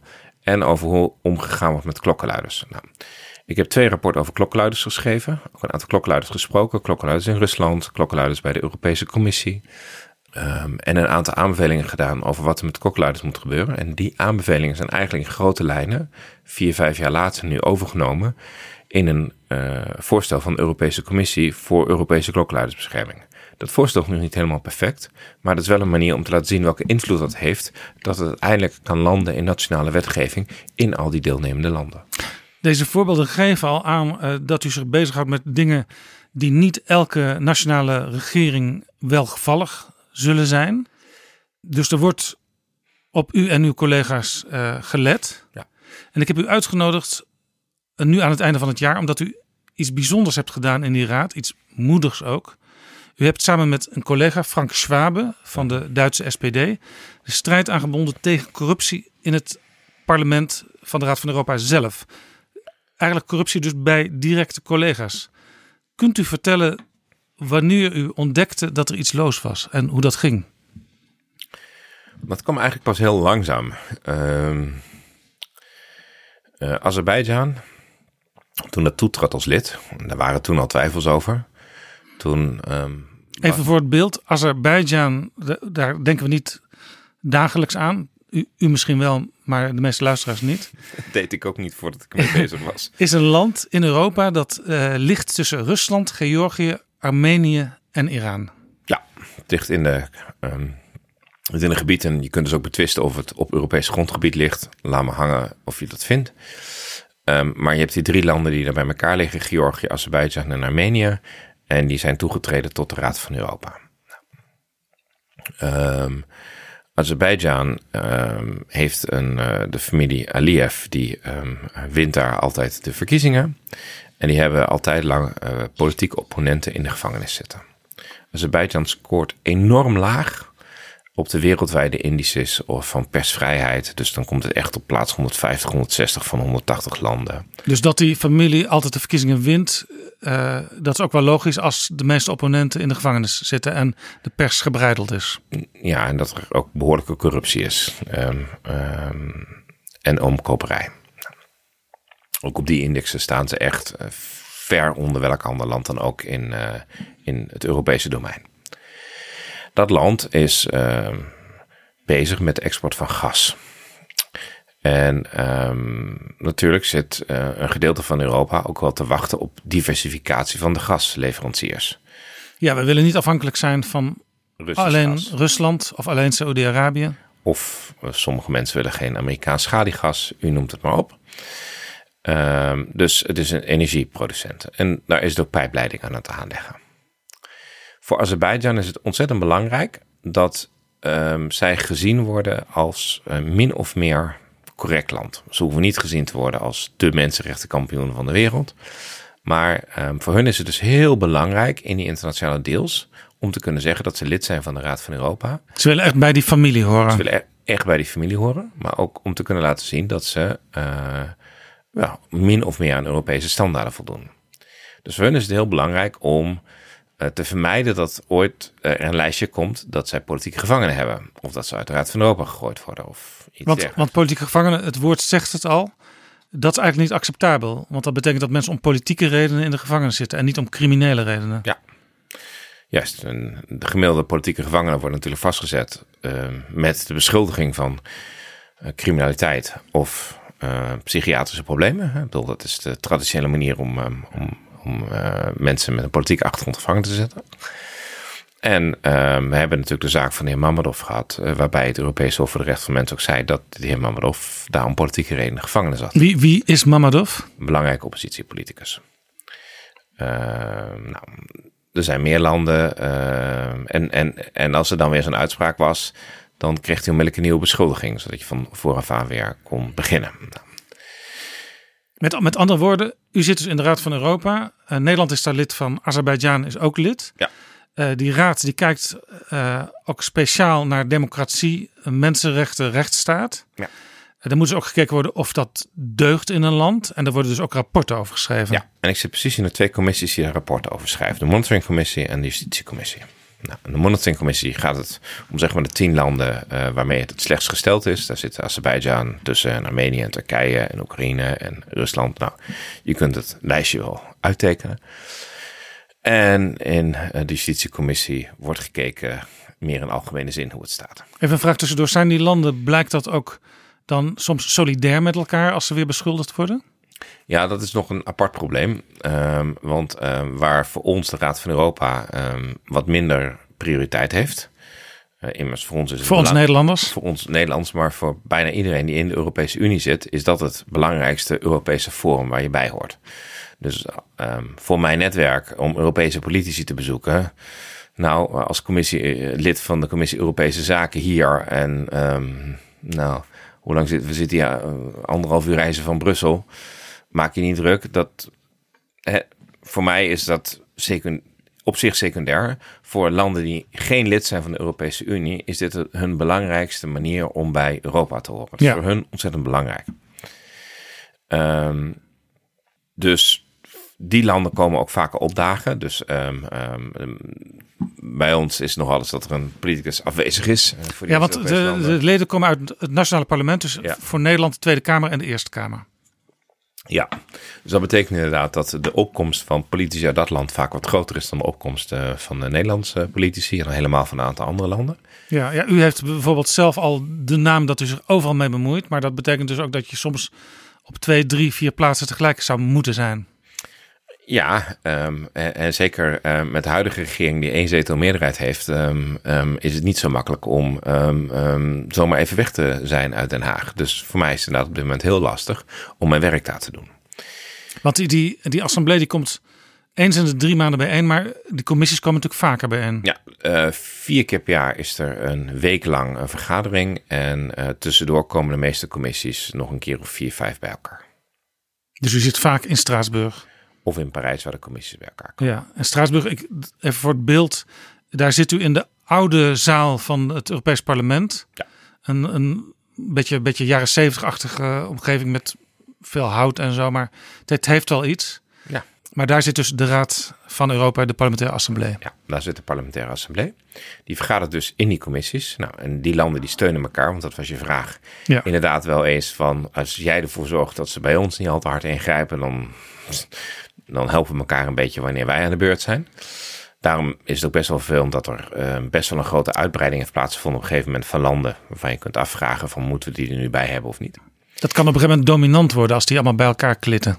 Nou, op dit moment is het eh, problematisch dat er drie landen eh, bij de Raad van Europa horen. Die om verschillende redenen eigenlijk totaal verschillende regels aan hun laars lappen. Dat begint bij Rusland. Rusland heeft ja, delen van ehm, Georgië, van Oekraïne en van Moldavië eh, bezet. En iedere keer komt er een klein stukje bij, recent de Azovzee. Maar ja, deel 1, als je deelneemt aan de organisatie, is natuurlijk dat je de territoriale integriteit van je andere landen erkent. Ja, je zou in de EU niet kunnen voorstellen dat een land zegt van weet je, hm, doe mij eens een stukje grond van mijn... Want eh, het, het zijn nota bene allemaal ook lidstaten. ja, het zijn allemaal Mede-lidstaten. lidstaten. Ja. Dus dat is een, eh, een nogal bijzondere manier. En Twee- Rusland is ook de grootste groep hè, in de Europe- Raad van Europa. Als ik het goed heb. Nee hoor, er zitten meer landen in die categorie. Dus Ah, eh, Maar het is wel. de 18 leden. Zitten natuurlijk ja, in de, Een kijk, gro- wij hebben de een groot 7, land. zij hebben de 18. Ja. Eh, de kleine landen, Malta en Liechtenstein, eh, hebben er... eh, nee, zeg, Liechtenstein en eh, Monaco, die hebben twee Ja. leden. Overigens, v- voor, voor de helderheid. Net als in het Europees Parlement zitten afgevaardigden niet per land, maar per fractie. En u zit in de Europese Volkspartij. Ja. De, zeg maar de Christen-Democraten. En dat is ook de grootste fractie in de assemblee. We hebben inderdaad ongeveer dik een kwart van de totale aantal leden. Zijn net iets groter dan de Sociaaldemocraten, die ook ongeveer een kwart. En ehm, daarnaast hebben we nog eh, een eh, liberale partij, waar onder andere de VVD en D66 in zitten. Ehm, een rechtse partij, die zeg maar rechts van. eh, wij zijn christendemocraten, maar in Europese band zijn het gewoon zeg maar heel vaak de centrumrechtse partijen. Nou, als het dan nog rechts van zit, En wa- waar zitten bijvoorbeeld de meeste Russen in en de meeste Azerbeidjani? Welke fractie? Uh, die zit in die Ah, ja. rechterpartij. En dan hebben we aan de linkerkant nog eh, een partij waar ehm, eh, onder andere de SP in zit. En dan zit er nog één partij die opgekomen is naar aanleiding van het corruptieschandaal waar we het zo over hebben. Een zesde partij waar we niet kunnen inschatten wat het, waar ze politiek staan, maar wel waar ze in dit schandaal staan. Dus mensen die ergens anders niet meer terecht konden. Een soort verschoppelingenfractie. Zoiets, ja. Dat moeten ze zelf maar zien hoe ze zichzelf zien. Maar goed, u, u, u zit dus in die assemblee met allemaal collega's uit landen waar je eh, op zijn minst vraagtekens kunt zetten bij democratie en rechtsstaat. Ja, maar ehm, maak even, je maakt hier al een hele snelle stap. En dat is dat jij denkt dat het probleem zich voordoet bij de landen waar je vraagtekens kunt zetten bij democratie en rechtsstaat. Als ik één ding geleerd heb in deze affaire, is dat dat dus geen bal uitmaakt. Het heeft ehm, parlementsleden van Italië, Spanje, Duitsland, België, dat zijn toch echt wel heel fatsoenlijke landen wat rechtsstaat betreft, die hier voluit in meegedaan hebben. Ja, u maakt Dus nu. maak u maakt, alsjeblieft niet, Ja. nee, maak alsjeblieft niet de, de denkfout die ik misschien aan het begin zelf ook wel gemaakt heb, om te denken dat West-Europese politici hier niet aan mee zouden doen. Niks was minder waar. ja, want hier komt u op de crux van, van het verhaal waar u een, een spil in bent, in positieve zin. Azerbeidzjan wordt dus aan alle kanten gemonitord. Eh, daar worden rapporten over geschreven, daar zijn op een gegeven moment resoluties over. Ja. En daar gebeuren dingen. Nou, bij die rapporten eh, gebeuren een paar dingen. Eh, wanneer een rapporteur aangewezen wordt, zit in één keer de zaal vol om ervoor te stemmen dat de juiste rapporteur aangewezen wordt. Namelijk degene die al te veel kritiek levert. Dus eh, die verkiezingen die gingen iedere keer mis. En als rapporteur kun je heel veel sturen. Een van de dingen die je als rapporteur bijvoorbeeld kunt doen, is vooral op je handen gaan zitten en ervoor zorgen dat je niks schrijft. Dan kun je namelijk niets doen tegen zo iemand. Daarna. Heeft, een rapporteur geen deadline? Moet er niet voor een bepaalde datum een rapport zijn? ja, maar als er geen rapport is, vervalt het eh, rapport. En dat is soms ook best wel een prettige strategie als je wilt dat er niet geschreven wordt. Dus als er een rapport geschreven wordt over he- he- he- een probleem waar ik niet over wil hebben, dan is de beste manier om daar rapporteur over te worden. Dan kun je natuurlijk nog een rapport schrijven dat ehm, eh, veel te vriendelijk is. Maar goed, dan heb je nog wat andere parlementariërs die denken van ho ho. En daar En- kun je denk ik ook amendementen op Daar indienen. kun je amendementen op indienen, wat ik ook rijkelijk doe. En eh, dissenting opinions, eh, dat kan daar ook. Dat deed niemand, maar dat hebben we op een gegeven moment zijn we dat maar eens gaan doen. Dus dan eh, komt een rapport en dan schrijf je er gewoon nog een ehm, stuk achteraan onder je eigen naam. En zeg je, nou, ik ben totaal niet mee eens om deze, deze, deze, deze reden. En veel groeten. Ehm, dat, dat wordt ook wel opgemerkt. Wat gebeurde? Er gebeurt een aantal dingen. Ehm, ten eerste, werden deze rapporten dus constant, eh, wanneer het eh, moeilijk werd, ehm, kwamen er in één keer uit alle hoeken en gaten parlementariërs die we anders nooit zagen. eh, die stemden dat rapport weg, terwijl rapporten daar bijna nooit weggestemd worden. Dus er gebeurden gewoon verrassende dingen. U ging daar naartoe, naar Straatsburg. Ja, en U had een bepaald verwachtingspatroon en dat bleek eigenlijk niet uit te komen. Ja, en, of, en dan waren er allerlei lobbyisten. Dat waren dan vaak ex-leden van de parlementaire assemblee. En die lobbyden dan heftig voor Azerbeidzjan. En die vertelden dan precies, ja, het rapport klopt daar niet. En deze man hier, ik heb het bewijs, dat is echt een moordenaar. En jongens, dat- hoezo zou dat een politieke gevangene zijn? En eh, nou, Dus een, een onafhankelijk rapport, dat werd eigenlijk meteen in vraag gesteld van Op alle dus allerlei details kloppen niet, dus Ja. is het geen serieus dus rapport. eh, jongens, eh, verwerp het maar. En ja, natuurlijk is Azerbeidzjan niet perfect. Maar hallo, dit klopt niet. Dus die poging werd ondernomen. Uh, dus het was wel duidelijk dat daar uh, druk op uitgeoefend werd. Wat ik echter niet door had uh, lange tijd, is dat mensen ook omgekocht werden. Ja, want u noemde net, u had het over collega's uit Italië, collega's uit Duitsland. Ja. Nou, uh, wat op een gegeven moment de doorbraak ehm, betekende, was eigenlijk de Italiaanse justitie. In Italië ehm, is er een inval geweest bij mijn oud-fractievoorzitter, Luca Volonte. En die bleek via een aantal uh, brievenbusmaatschappijen uh, in het VK uh, 2 miljoen um, uit Azerbeidzjan ontvangen te hebben. Uit de tijd dat hij nog fractievoorzitter was. Voor zijn um, zeg maar conservatieve um, onderzoeksbureau. Want op een gegeven moment was hij geen parlementariër meer. Ja, even dus voor de helderheid. Uh, die man, Luca Volonté, weet u trouwens wat Volonté betekent? Ja, wil. Gewillig. Ja. Hij bleek dus gewillig voor uh, financiële giften. Uh, die had dus brievenbusfirma's blijkbaar. Nee, hij had geen brievenbusfirma's. Het werd hem via brievenbusfirma's betaald. En um, um, op een gegeven moment heeft hij voor zichzelf, nadat hij geen parlementariër was, een um, nieuw onderzoeksbureau uh, ingesteld. En daar is meer dan 2 miljoen over gemaakt. Italiaanse justitie deed er onderzoek naar, stelde hem in staat van beschuldiging. Gegeven moment heeft hij het verweer gevoerd dat dat onder uh, de parlementaire immuniteit valt. De immuniteit die we daar genieten is een stuk hoger dan de immuniteit die we in Nederland genieten. Zoals je misschien weet, hebben we in Nederland alleen immuniteit voor de woorden die we uh, spreken tijdens de vergadering. Uh, daarvoor kun je niet vervolgd worden. Maar al het andere wat je als politicus doet, daar kun je gewoon vervolgd worden. Ja, op zich is dat bij de Raad van Europa misschien ook wel logisch, hè, dat die immuniteit Heel stevig logisch. is. Die, die moet veel hoger zijn. Juist omdat um, uh, vooral oppositiepolitici in landen die niet democratisch bestuurd worden, die verdienen een zekere mate van bescherming. Anders zijn ze gewoon uh, de pineut wanneer ze thuis zijn. Dus de, terecht zit er een hoge uh, mate van immuniteit op, op, op het handelen. Ja, en dat, dat hoeft dus ook op zich niet te veranderen. Want nou, dat is goed. moet het. Nou, de, de, we hebben later wel toegelicht in resoluties dat de immuniteit van een heleboel dingen geldt, behalve omkoping. Hè? Dus ik bedoel, uh, die immuniteit is voor alles wat je zegt. Um, uh, misschien kom je zo nog op Malta. Daar is best wel een groot probleem met libel laws. Ja, daar, kom, daar komen we straks op. Ja, maar er zijn landen waar je bijvoorbeeld um, voor als je ook maar iets fout zegt over uh, iemand anders, je meteen voor de rechter gesleept wordt. Um, uh, nou, dat hebben we in Nederland wat minder last van. Hoe werd duidelijk dat die Luca Volonté daarvoor gevoelig was voor omkoping? Dat weet ik niet. Kijk, ze hebben het bij mij nooit Maar hoe, hoe weet u het? Omdat de Italiaanse justitie onderzoek deed. Ah.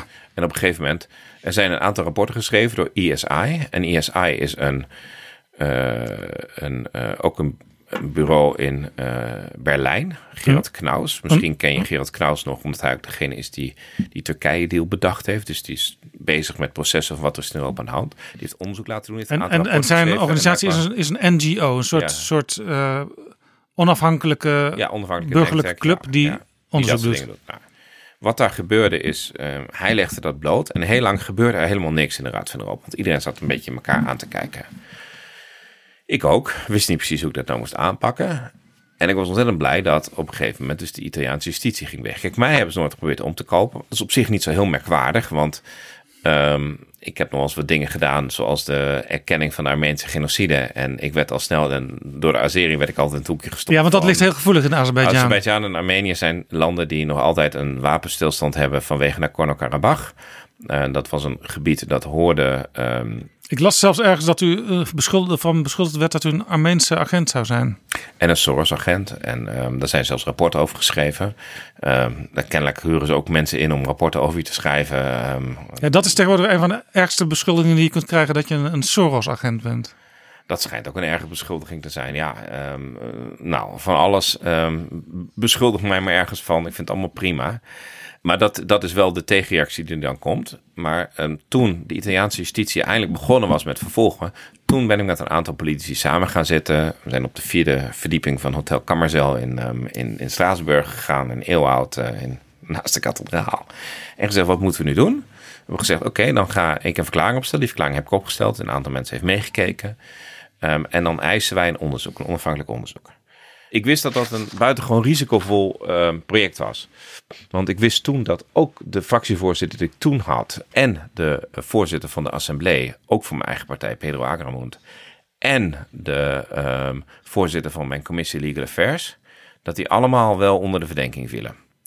Dus ik dacht, nou ja, ik ga de strijd aan. Ik zie wel wat eindigt. Ja, Pedro, Pedro Agramunt, uh, dat was de, dus de voorzitter van de hele assemblee. De voorzitter van de hele assemblee. Ja, ja. dus, dus um, en, en die Luca uh, Volante, die, die, die, was, was die, was, die was al weg. Die was al weg, omdat hij niet herkozen was. Maar er zaten dus nog steeds Ze mensen op, op strategische op, posities. Op bijna alle strategische posities zaten mensen waarvan wij dachten, hoe komen die hier?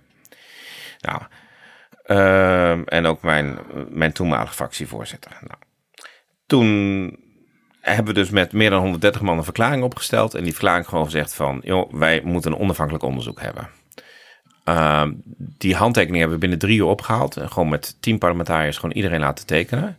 Wat vooral binnen mijn groep natuurlijk gevoelig was. Want het was wel duidelijk dat er binnen mijn groep nogal wat mensen onder de verdenking zouden vallen. Dat is dus ook een, een enorme stap voor u als deel van een groep om dit aan de kaak te willen stellen. Want je komt direct aan je directe collega's. Met wie je ook in fractievergaderingen zit. Ja, je zit allemaal met in een fractievergadering. Maar kijk, er is nog één ding als je vergeet om ergens.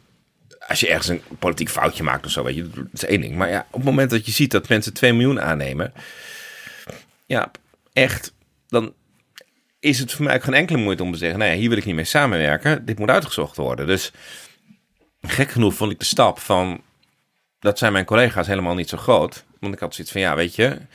Uh, dat het zo overduidelijk was, hier is iets aan de orde wat absoluut niet deugt. Zo groot, het was niet dat iemand een etentje gekregen had, of weet je, dat een keer Het ging niet over waar het in Nederland wel eens over gaat. Meer, iets meer of minder dan 50 euro Wij cadeau. hebben hier, uh, Ja. we hebben hier met z'n allen op Wouter Bos gekeken of een nieuwe zonnebril kreeg. Weet je, als het dat geweest was, dan denk ik dat ik niet een onafhankelijke onderzoekscommissie ehm, eh, op zou tuigen van drie, drie eh, topjuristen. Maar hier zijn dus blijkbaar mensen miljonair geworden door corrupt handelen. Nou, we weten dat ehm Azerbeidzjan op een gegeven moment een slush fund opgezet heeft waar meer dan een, eh, waar het in een miljarden liep wat erin zat. En ik denk niet dat het alleen bij de Raad van Europa, maar ook elders gebruikt is. Het was dus een fonds om geld uit te halen om mensen om te kopen. Ja, want voor hun was het heel belangrijk. Ehm, Om het beeld van Azerbeidzjan maar zo positief mogelijk te ja, krijgen. en, en daarmee gemakkelijk je handel te kunnen doen en voor vol aangezien te worden in de rest van de wereld. Nou,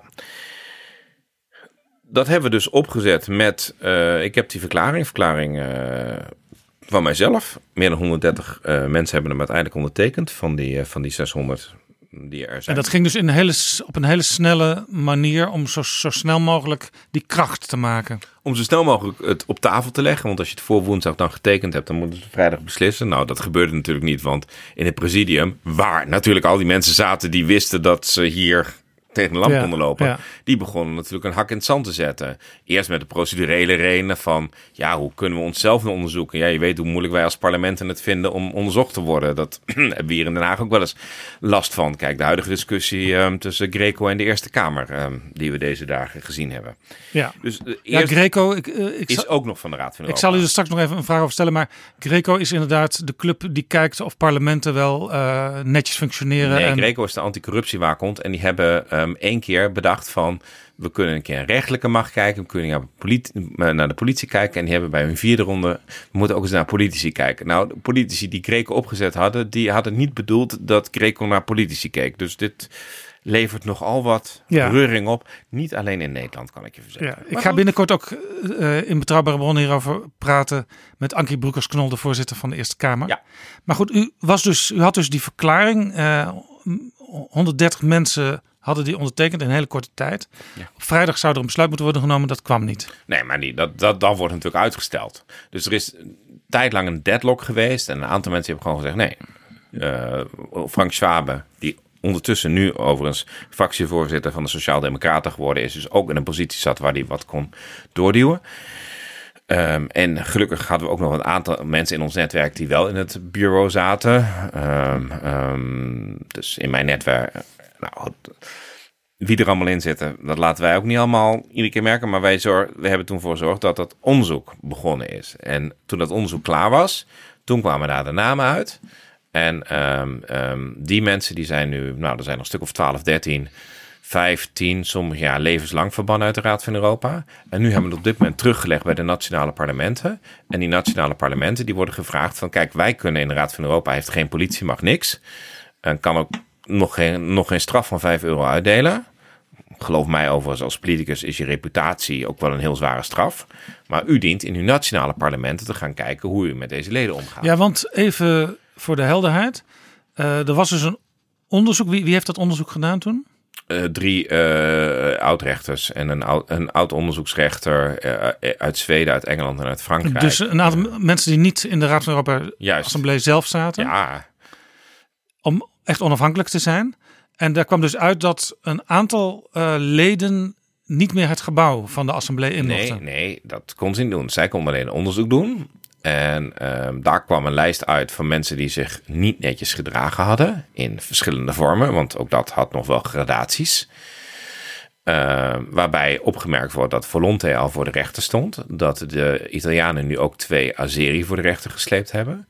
Dat in Brussel het parket begonnen is met een vooronderzoek. Onder andere tegen een zittend senator daar, de heer. ehm, ehm, dat, eh, Alain Destexe, denk ik. yes, des tekst. Hij is lid eh, van de Senaat in België voor de Franstalige Liberalen. Ja, nee, maar de partij die daar de Van de minister-president. van de demissionair minister-president van België. Ehm, dat was de voorzitter van de commissie. Dat was ook heel bijzonder hoe hij wegging, want hij had op een gegeven moment een rapport over Azerbeidzjan geschreven. Dat was weer veel te positief. En toen heb ik met eh, zeven, acht mensen een dissenting opinion geschreven. Die hebben daar vastgeniet. En ik heb hem een open brief geschreven. Op een gegeven moment duidelijk werd dat hij eigen privé op zijn eigen huis een kantoor had voor verkiezingswaarnemingen. En die waren altijd een beetje aan de positieve kant, zullen we maar zeggen, eh, wanneer het in de regio Azerbeidzjan kwam. En ehm, waar ik hem uiteindelijk op.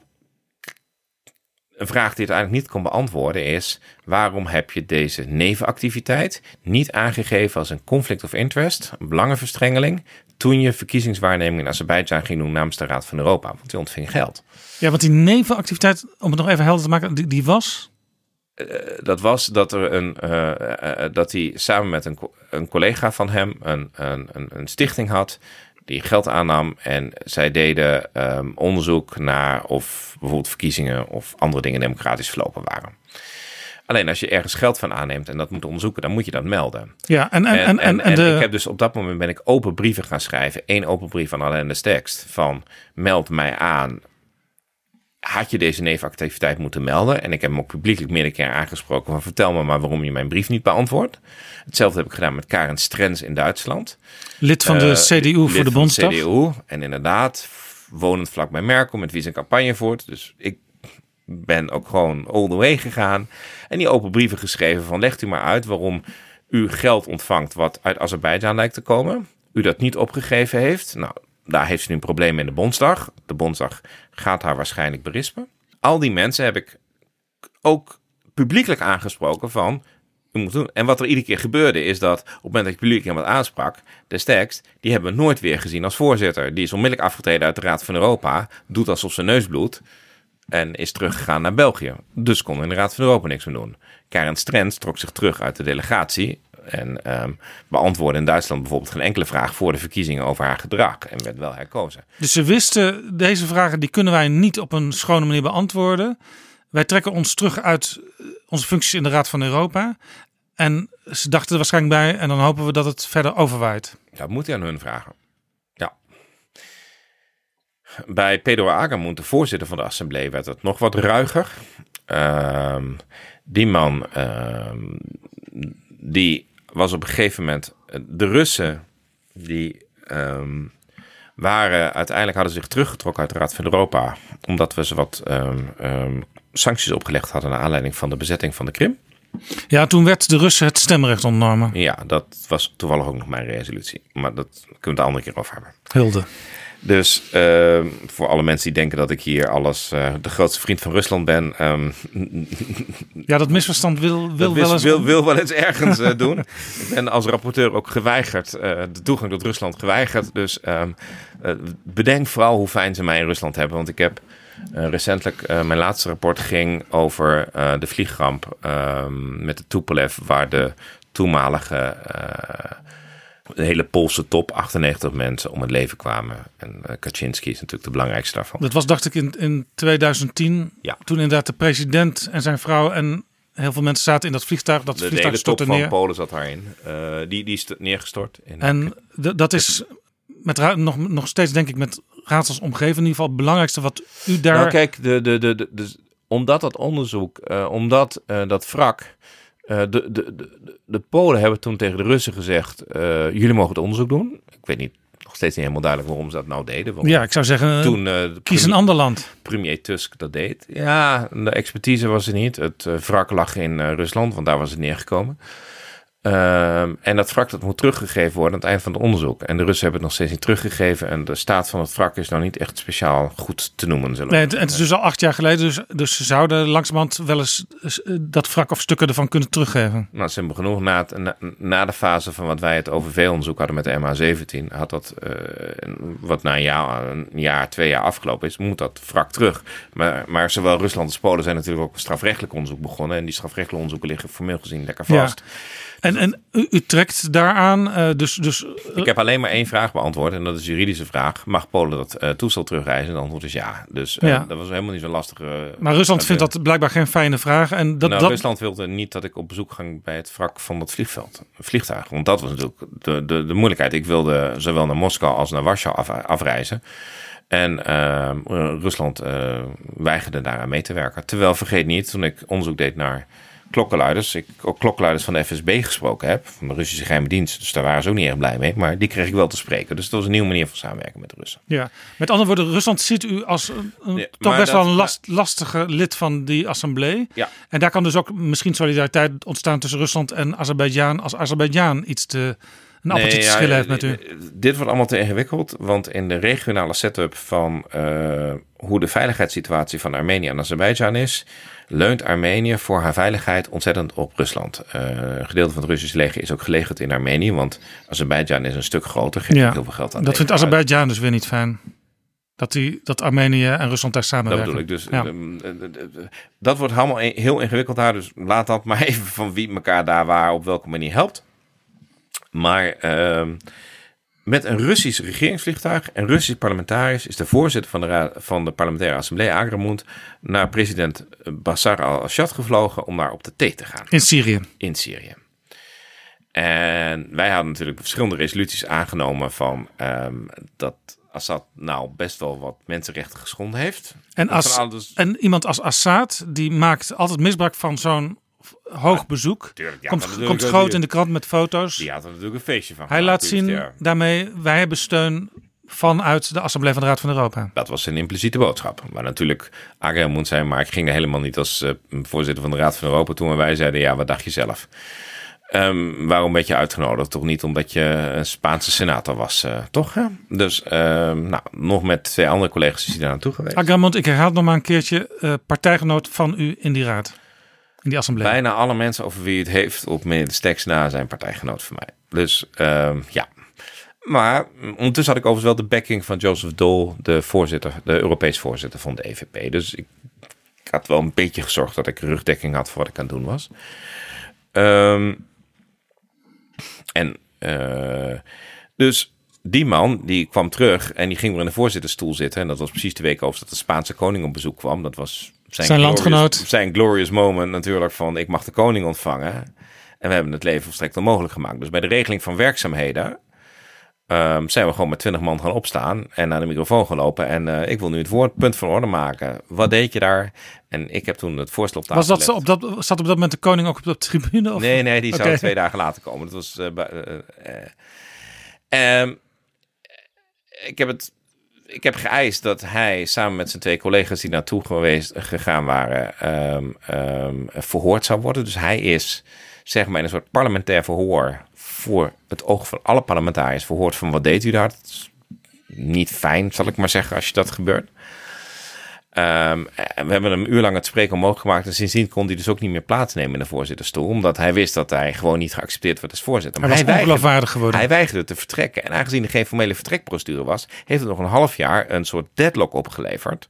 Waarbij er een motie van wantrouwen iedereen ingediend is. Hij rechtszaken aan ging spannen tegen de assemblee dat ze geen motie van wantrouwen mochten indienen. Wat natuurlijk bij uitstek een politiek instrument is. Als jij een voorzitter bent die niet gepruimd wordt door de meerderheid van de leden, ja, dan is je werk onmogelijk. Ik bedoel, dat is welke voorzittersfunctie je ook bekleedt. In een, in een normaal parlement zou je zeggen, was zo, had zo'n man zelf al lang de conclusie Ah, joh, achter de schermen zijn er meerdere pogingen gedaan. Jij wilt de koning nog ontvangen. Joh, dan blijf je nog drie dagen voorzitten. Wij doen dus op onze neus bloed. Ehm, als jij nou gewoon op vrijdag aftreedt. Weet je, ik bedoel, even van die afdeling. Als dat belangrijk voor jou is, prima. Maar, nou, en uiteindelijk deed hij nog steeds niet. En uiteindelijk kwamen er allerlei briefjes op deuren dat hij verklaringen aflegde. Nou, natuurlijk op een gegeven moment werd de staf ook een beetje van wat moeten we hier nou. Dus die moest daar weggepest worden. Anderen moesten met brieven weg, eruit gedeeld worden. Daarna is de Rules Committee, zeg maar de interne procedurele, die heeft een aantal mensen permanent verbannen. En daarna heb ik met een aantal mensen een amendement aangenomen gekregen dat voor 1 januari, dus over een paar dagen, alle parlementen moeten terugkoppelen aan de Raad van Europa wat ze gedaan hebben met de leden die daar genoemd zijn. Want uit de Raad van Europa verbannen worden is vervelend. Maar je eigen parlement aangepakt worden, waar je namens je eigen kiezer gekozen wordt, is natuurlijk veel vervelender voor. Precies, daar is dus dat voorbeeld van, van Karin Strens in de Bundestag. En van die Alain Destekse in, in België. Ja, daar heb ik nog niet door of ze daar überhaupt actie aan het ondernemen zijn in België. Dat is eh, me nog niet helder. Maar goed, dat is ook aan het Belgisch parlement. Dat is ook hoe het gaat. Ehm, die zullen dus. ehm, Maar parlementaire hygiëne vereist natuurlijk dat daar wel actie wordt ondernomen. Ehm, dat vereist inderdaad eh, dat daar. eh, dat ze daar zelf actie aan ondernemen. Nou, en, eh, ook de CDU heeft daar gewoon aan meegeholpen dat dat nu gaat gebeuren. Dus ik ben heel benieuwd wat actie ondernomen wordt. Maar vergeet niet, dat is dus de eerste keer dat we in Europa een pan-Europees netwerk van corruptie aan het oprollen zijn. Dat daar dus, we weten nu ook nog dat één ander land eh, dat, eh, ehm, dat de justitiële autoriteiten van het land het dossier opgevraagd hebben. Want al die verslagen van dat onderzoek, waar ook veel mensen geïnterviewd zijn, die zijn in het archief gegaan. En het archief is alleen toegankelijk voor het Openbaar Ministerie van Landen. En een van die landen van het Openbaar Ministerie heeft al gezegd: kom maar hier met die, met die stukken. Over welk land heeft u het nu? Kan ik u op dit moment niet zeggen. Ik hoop dat het binnenkort naar buiten komt. Ehm, dus- Want dat moet dat land zelf, de justitie in dat land zelf bekendmaken. Ja, ik kan niet interfereren in onderzoek op dit moment. Dus ik weet niet of ik dat naar buiten kan brengen. Nee, maar op zich ik- is het natuurlijk een, een, een, objectieve uitspraak dat een land ergens mee bezig is. Lijkt Ja. mij, zonder dat je daar de inhoud bij Ja. betrekt. Ik, ik kijk wanneer zij dat naar buiten brengen. Dan moeten ze allemaal zelf weten. Maar ik zie dat dat nu gebeurt. En dat vind ik ontzettend goed. Want het is natuurlijk al vervelend als je bereid wordt in je eigen parlement. Maar ehm, als je echt steekpenningen aangenomen hebt en het gaat om serieus geld, dan moet je er ook serieus onderzoek naar doen. Dit is Betrouwbare Bronnen met Jaap Jansen. En ik praat met Pieter Omtzigt, lid van de Tweede Kamer voor het CDA. Maar in dit gesprek vooral ook lid van de parlementaire assemblée van de Raad van Europa. Ik begrijp ook dat mensen gelokt zijn in die eh, corruptiefuik vanuit Azerbeidzjan. Eh, door bijvoorbeeld betaalde vakantie te krijgen, daar geschenken aangeboden te krijgen, werden die geschenken geaccepteerd. Dan waren ze blijkbaar open voor meer zaken. Het is mij niet helemaal duidelijk hoe het gebeurd is. Eh, ik weet wel dat er ook in het Europees Parlement een vrek lange lijst is van parlementariërs die op bezoek zijn geweest in Azerbeidzjan. Dus dat het niet alleen in de Raad van In het Europa Europees Parlement? Ja. Oké, want die kijken natuurlijk ook naar de rest van de wereld en hebben daar opinies over. Eh, die schrijven overal ook opinies over. En eh, waarvan ik zei natuurlijk, het belangrijkste Europese forum, hoe vervelend ik ook vind, is natuurlijk niet de Raad van Europa, maar de EU. Dus hoe je daar erop staat is best wel belangrijk. Ehm, dus er zijn er meerdere, er zijn nog wel wat parlementariërs die daar naar Azerbeidzjan gegaan zijn. Ja, en in ieder geval als we het over de Raad van Europa assembleeleden hebben die corrupt blijken te zijn. Daar was sprake van eh, kilo's caviar, van Kilo's caviar, tapijten. geld, tapijten, MacBooks, schijnt. Goud. nog, ehm, bezoek aan prostituees, was je vergeten, Jaap. Ja. Heel bijzonder allemaal. Engelse parlementariërs die hun boek gratis ver- vertaald kregen door, eh, door, door Azerbeidzjan. Joost mag weten waarom ze En dan ligt het daar in de boekhandel. Dan ligt het in, dan heb je je boek in Turks vertaald, ja. Ja. Ehm, dus, dus zeg maar de, de stand van zaken op dit moment is dat er langzaamaan ook op nationaal niveau consequenties komen voor een aantal van deze mensen. Ja, dat is, dat is eh, het stand van zaken nummer 1. Stand van zaken nummer 2 is dat eh, we eindelijk met fatsoenlijke rapport over Azerbeidzjan aan de gang kunnen. Want vergeet niet, een van de redenen, misschien was die reden nog even vergeten.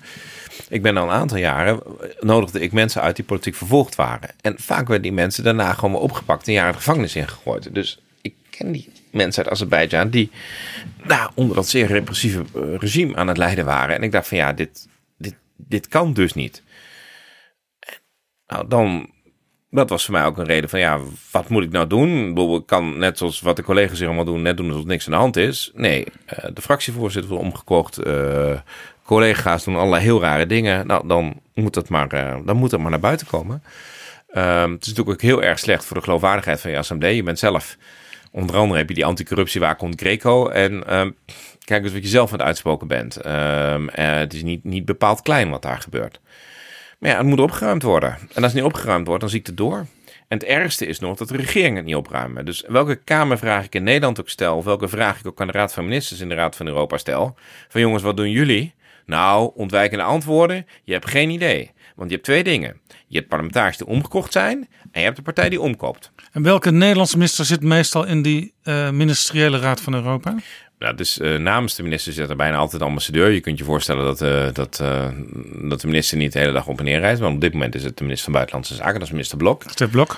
En ik vind ook dat minister Blok, die wel een aantal dingen gedaan heeft, maar met een aantal collega's een groep moet vormen en moet zeggen: jongens, in de parlementaire assemblee zijn ze in ieder geval zo goed en kwaad als het gaat bezig om de zaak eruit te mesten. Ook wij dienen hier onderzoek te doen of hier te doen. Ik kreeg gewoon hele rare antwoorden terug. Ehm, eh, van bijvoorbeeld de secretaris-generaal. Dat is ook nog een probleem. Daar kom ik zo nog wel op terug De secretaris-generaal van van de Raad van Europa. De hoogste eh baas ambtenaar. daar. Nou ja, die is politiek gekozen. De oud-voorzitter van het Noors parlement. De oud-voorzitter van de Nobelprijscomité voor de Vrede. Dus ook niet, niet de kleinste jongen. Die, ehm, die bleek dus al met de, de ambassadeur van Azerbeidzjan in 2012... bleek hem uitgebreid gewaarschuwd te hebben voor wat er gebeurd was... En hij heeft jarenlang geen actie ondernomen. Die ambassadeur van Azerbeidzjan is ontslagen en woont nu als een. Ja, dat is dus iemand die blijkbaar spijt heeft gekregen van... Die zag wat er gebeurde van zijn land. Die vertelde aan eh, de secretaris-generaal wat er gebeurde. En de secretaris-generaal tot de dag van vandaag wil me geen antwoord geven waarom hij geen actie ondernomen heeft. In het statuut van de Raad van Europa staat heel helder. Net als in het ambtenarenstatuut van Nederland is ook heel helder. Een ambtenaar is verplicht corruptie aan te geven wanneer daar duidelijk sprake van is.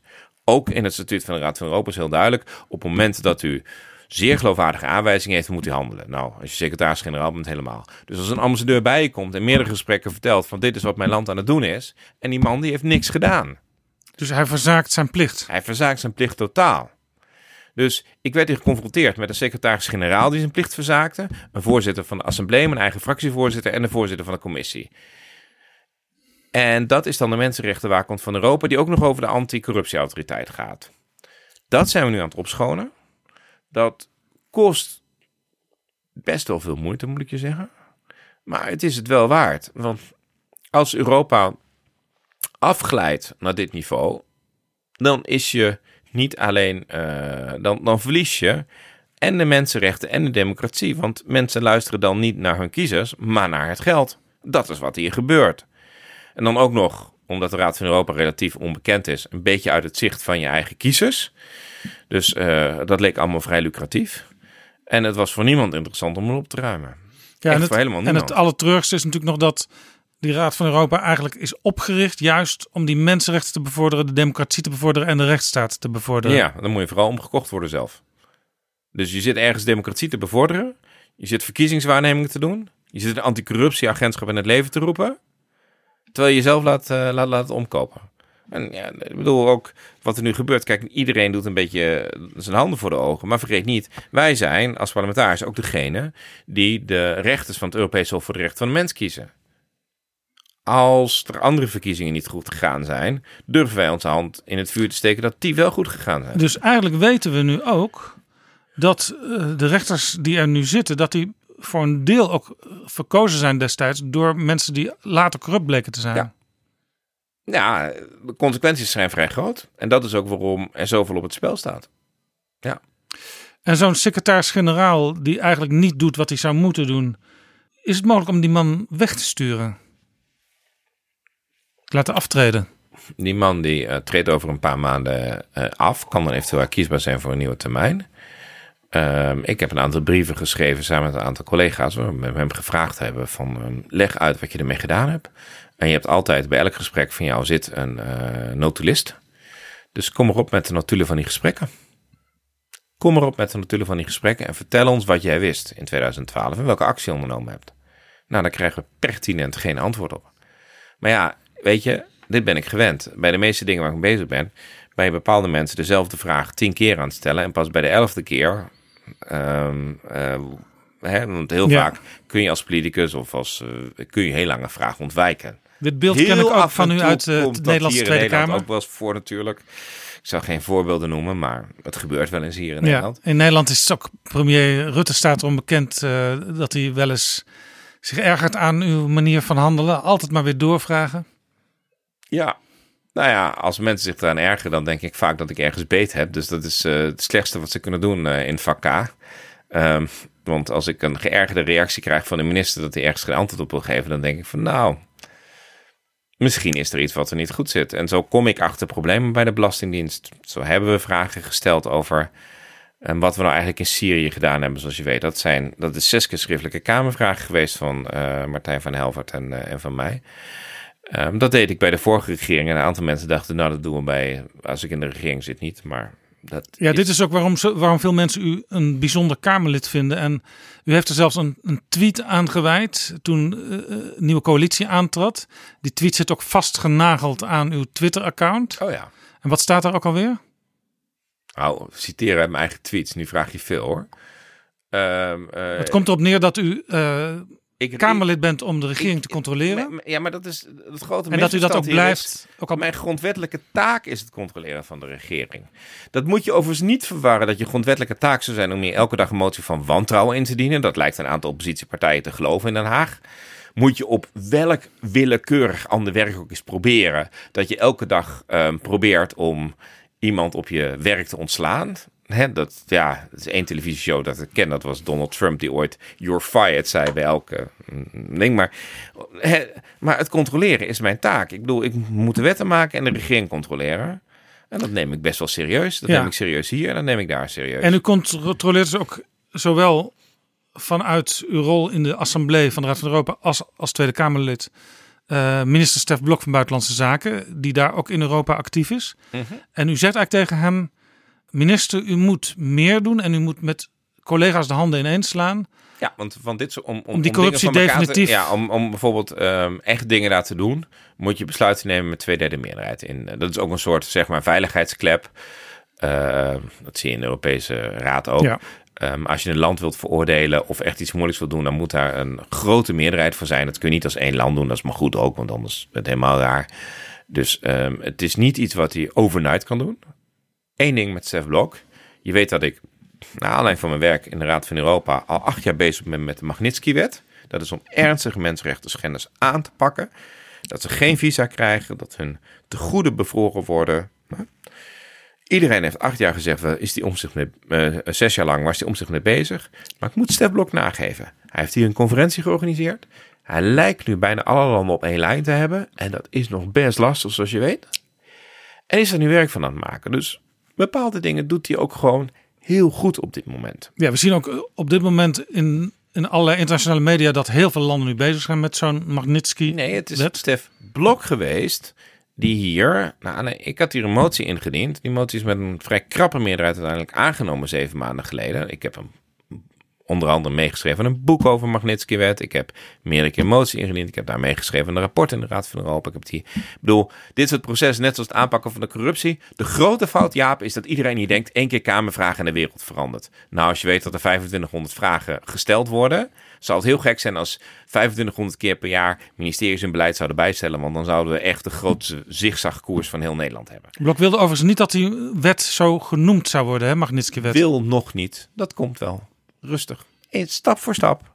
Belangrijkste is dat... Schiet voor schiet, zegt Angela Merkel altijd. Ja, oké. Ehm, stap voor stap. Belangrijk is dat het mechanisme er komt. En dat is geïnspireerd door die Magnitsky-wet. Nou, en, en, en maar Mark Rutte heeft hier in de Kamer al gezegd... hier in Nederland noemen we Magnitsky-wet. Dat is het volgende kleine stapje.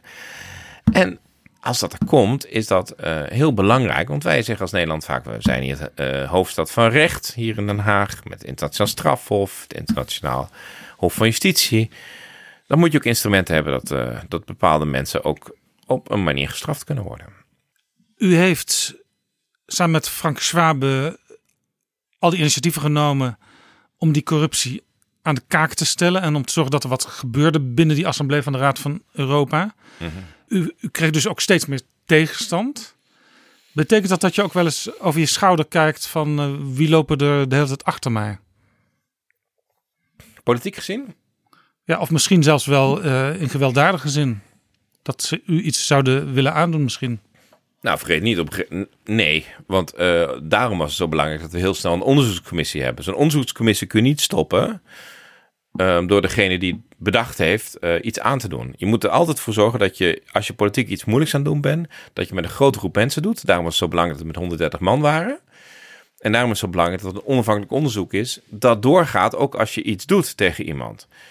Ik heb daar overigens nooit wat van gemerkt. Ik heb natuurlijk wel gemerkt wat ik net zei, dat er een rapport over mij geschreven werd als ware ik altijd op de hand van Armenië en zou ik betaald worden door Soros en nou verzin het maar.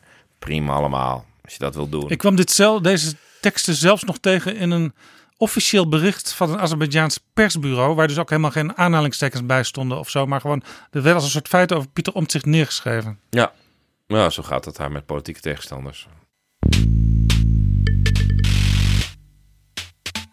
Dit is Betrouwbare Bronnen. Ik praat met Pieter Omtzigt, lid van de parlementaire assemblee van de Raad van Europa. Op dit moment doet hij trouwens een interessant en ook moeilijk onderzoek naar de moord op een onderzoeksjournaliste op Malta. Omdat dit nog loopt, kan hij er niet veel over zeggen. Ik kan hier niet zeggen uh, wat ik vind, hoe het is. Ik ben een paar dagen op Malta geweest. Ik heb er met de regering gesproken. Ik heb met een aantal mensen die kritisch zijn op de regering gesproken. Met de oppositie gesproken, met de politie, met de uh, andere autoriteiten, met de ombudsman. Nou, met van allerlei mensen. Um, en dat rapport, dat, uh, dat zie je wel verschijnen op het moment dat het verschijnt. En dat is het lastige aan dit, uh, aan dit, uh, aan dit onderzoek. Wij houden dit gesprek aan het eind van 2018, het jaar waarin Time Magazine de journalistpersoon van het jaar uh, heeft gemaakt. Het is dus bij alle ellende mooi dat u dat onderzoek doet naar die moord op de journaliste Daphne Caruana Galizia. Dit belooft dus ook wat voor het nieuwe jaar, want dan komt u uiteindelijk waarschijnlijk in mei met dat rapport. Ja. U gaat ook verder met uw strijd in de Assemblee van de Raad van Europa tegen de corruptie en voor goede uh, rapporten en opinies over een land als Azerbeidzjan. Ja, maar ook andere landen. Op dit moment zijn er grote problemen met mensenrechten en democratie.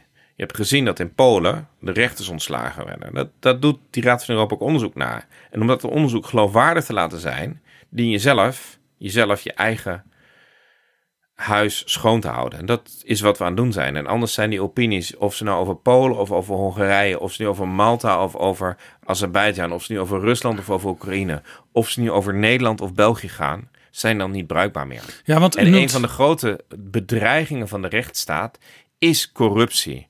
Op het moment dat politici omgekocht worden of een zodanig grote mediamacht hebben dat er geen onafhankelijke controle meer is, dan dan dienen we elkaar erop aan te spreken. Het feit dat er in 2008 dat er journalisten binnen de Europese Unie vermoord worden En dat het niet uitgesloten is of waarschijnlijk is dat het met hun werk te maken heeft. Jan Kuciak, Daphne Caruana Galizia. En daar is toch wel de verdenking dat dat iemand zou kunnen zijn die het vervelend vond, het werk dat ze deden vervelend vond. Dat is iets wat we ons een aantal jaar geleden niet konden voorstellen. En dat is uiteindelijk een bedreiging, omdat ook zij die macht moeten kunnen controleren zonder, eh, zonder daar echt gehinderd te worden. Natuurlijk zal er wel eens een keer een, een gast geven, geen antwoorden geven. Maar eh, eh, en daarom is dit werk zo belangrijk. En ook belangrijk dat we bij elkaar een beetje blijven kijken in Europa. U noemt ook Hongarije. Viktor Orban is daar natuurlijk uh, de, de politiek leider. Ja. Uh, hij maakt met zijn partij nog steeds ook deel uit van uw uh, Europese Volkspartij. Is dat dan, vindt u dat pijnlijk? Nou ja, je hebt, uh, je hebt gezien wat wij als CDA als initiatief daar genomen hebben. Dus je blijft lang in gesprek. Als er een probleem is met een partij binnen je eigen fractie, is het niet zo dat je de allereerste keer zegt van je bent geen lid meer. Op een gegeven moment is CDA heeft ook waar gedrongen dat dat niet per se hoeft.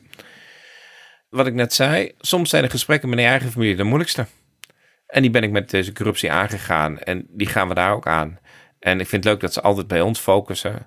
En als het binnen een andere partij is, dan beschuldigen ze me onmiddellijk van partijdigheid. Nou, ik kan onmiddellijk laten zien dat je me veel kunt kwalijk nemen, maar niet dat ik mijn eigen mensen niet aanpak. Ja, tot, tot slot dan nog even. U noemde het al eventjes, die Greco. Ja. Die ook advies heeft gegeven aan de Eerste Kamer om bepaalde dingen anders te organiseren. Ja. De Eerste Kamer in Nederland is natuurlijk een, een deeltijdparlement. Die mensen komen maar één keer per week bijeen. Die hebben allerlei andere functies in de samenleving. Uh, soms zijn ze ook lobbyist voor bepaalde belangen Mhm. elders. Maar ze hebben dus belangen. Uh, er is nu verschenen het rapport van de staatscommissie Remkes, waarin gezegd wordt: Eerste Kamerleden moeten op een gegeven moment aangeven als ze een belang hebben. En dan ook op dat moment niet meestemmen over het onderwerp. Dat gaat heel ver. Vindt u dat een goed advies van de commissie Remkes? Daar gaan we binnen het CDA eens rustig over hebben wat uh, het advies is. Um, ik wil je wel gezegd hebben dat vooral het werk van Follow the Money laat zien. Dat de website Follow the Money. Follow the Money. Uh, de volgordelijkheid daarvan anders is. Dus uh, natuurlijk heb je een, een, een, een, een functie en je hebt belangen. Dus um, als jij ergens verpleegkundige bent of hoogleraar of politieagent of je hebt gewoon een eigen bedrijfje, prima.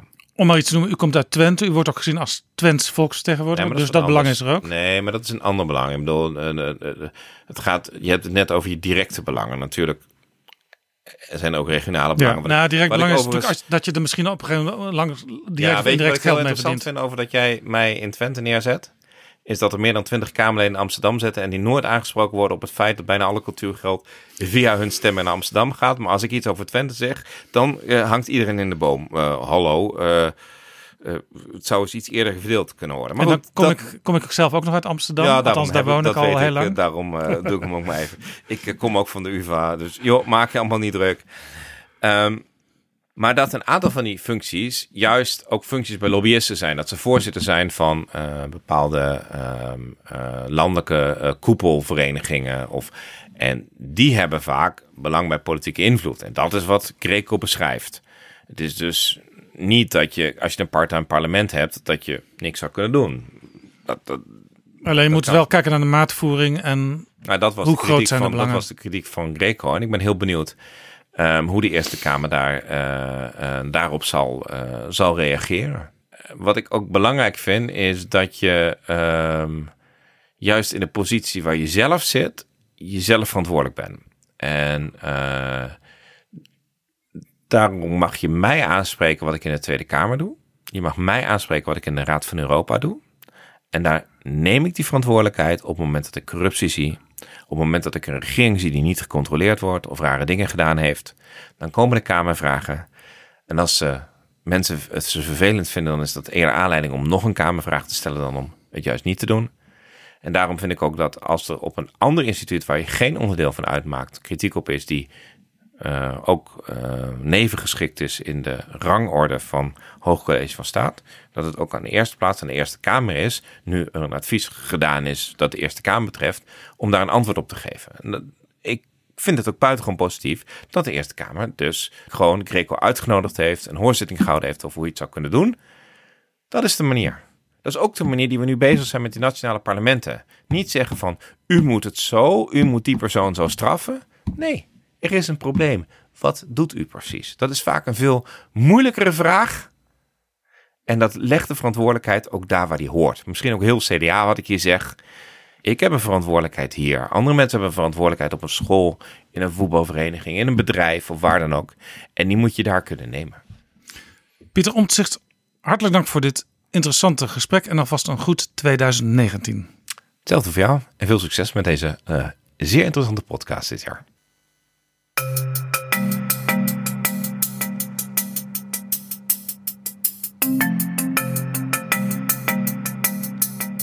Zo, dit was aflevering 18 van Betrouwbare Bronnen. Als jij deze podcast ook zo interessant vindt, dan kun je me helpen. Want ik vind het leuk als steeds meer mensen naar Betrouwbare Bronnen gaan luisteren. Je doet me groot plezier als je erover twittert. En het is helemaal prachtig als je dat doet met een link naar deze aflevering. Die staat na het verschijnen meestal een week bovenaan mijn Twitterpagina. En nu iets langer vanwege oud en nieuw. En de eerste weken van het jaar waarin ik lekker vrij heb genomen. Onlangs vroeg een luisteraar wanneer betrouwbare bronnen ook op Spotify te beluisteren zal zijn. Nou, dat is al het geval. Zoek maar eens even op Spotify, dan vind je ons. In het nieuwe jaar heb ik weer veel spannende gesprekken met nieuwe gasten. En af en toe komt er ook een gast terug, zoals ik met Pieter Omtzigt ongetwijfeld verder zal praten over zijn strijd tegen corruptie in Europa. Ik ga dus nu even een paar weken weg. En als het goed is, hoor je mij en PG weer vanaf 18 januari. Tot dan. Betrouwbare bronnen wordt gemaakt door Jaap Jansen in samenwerking met dag en nacht.nl.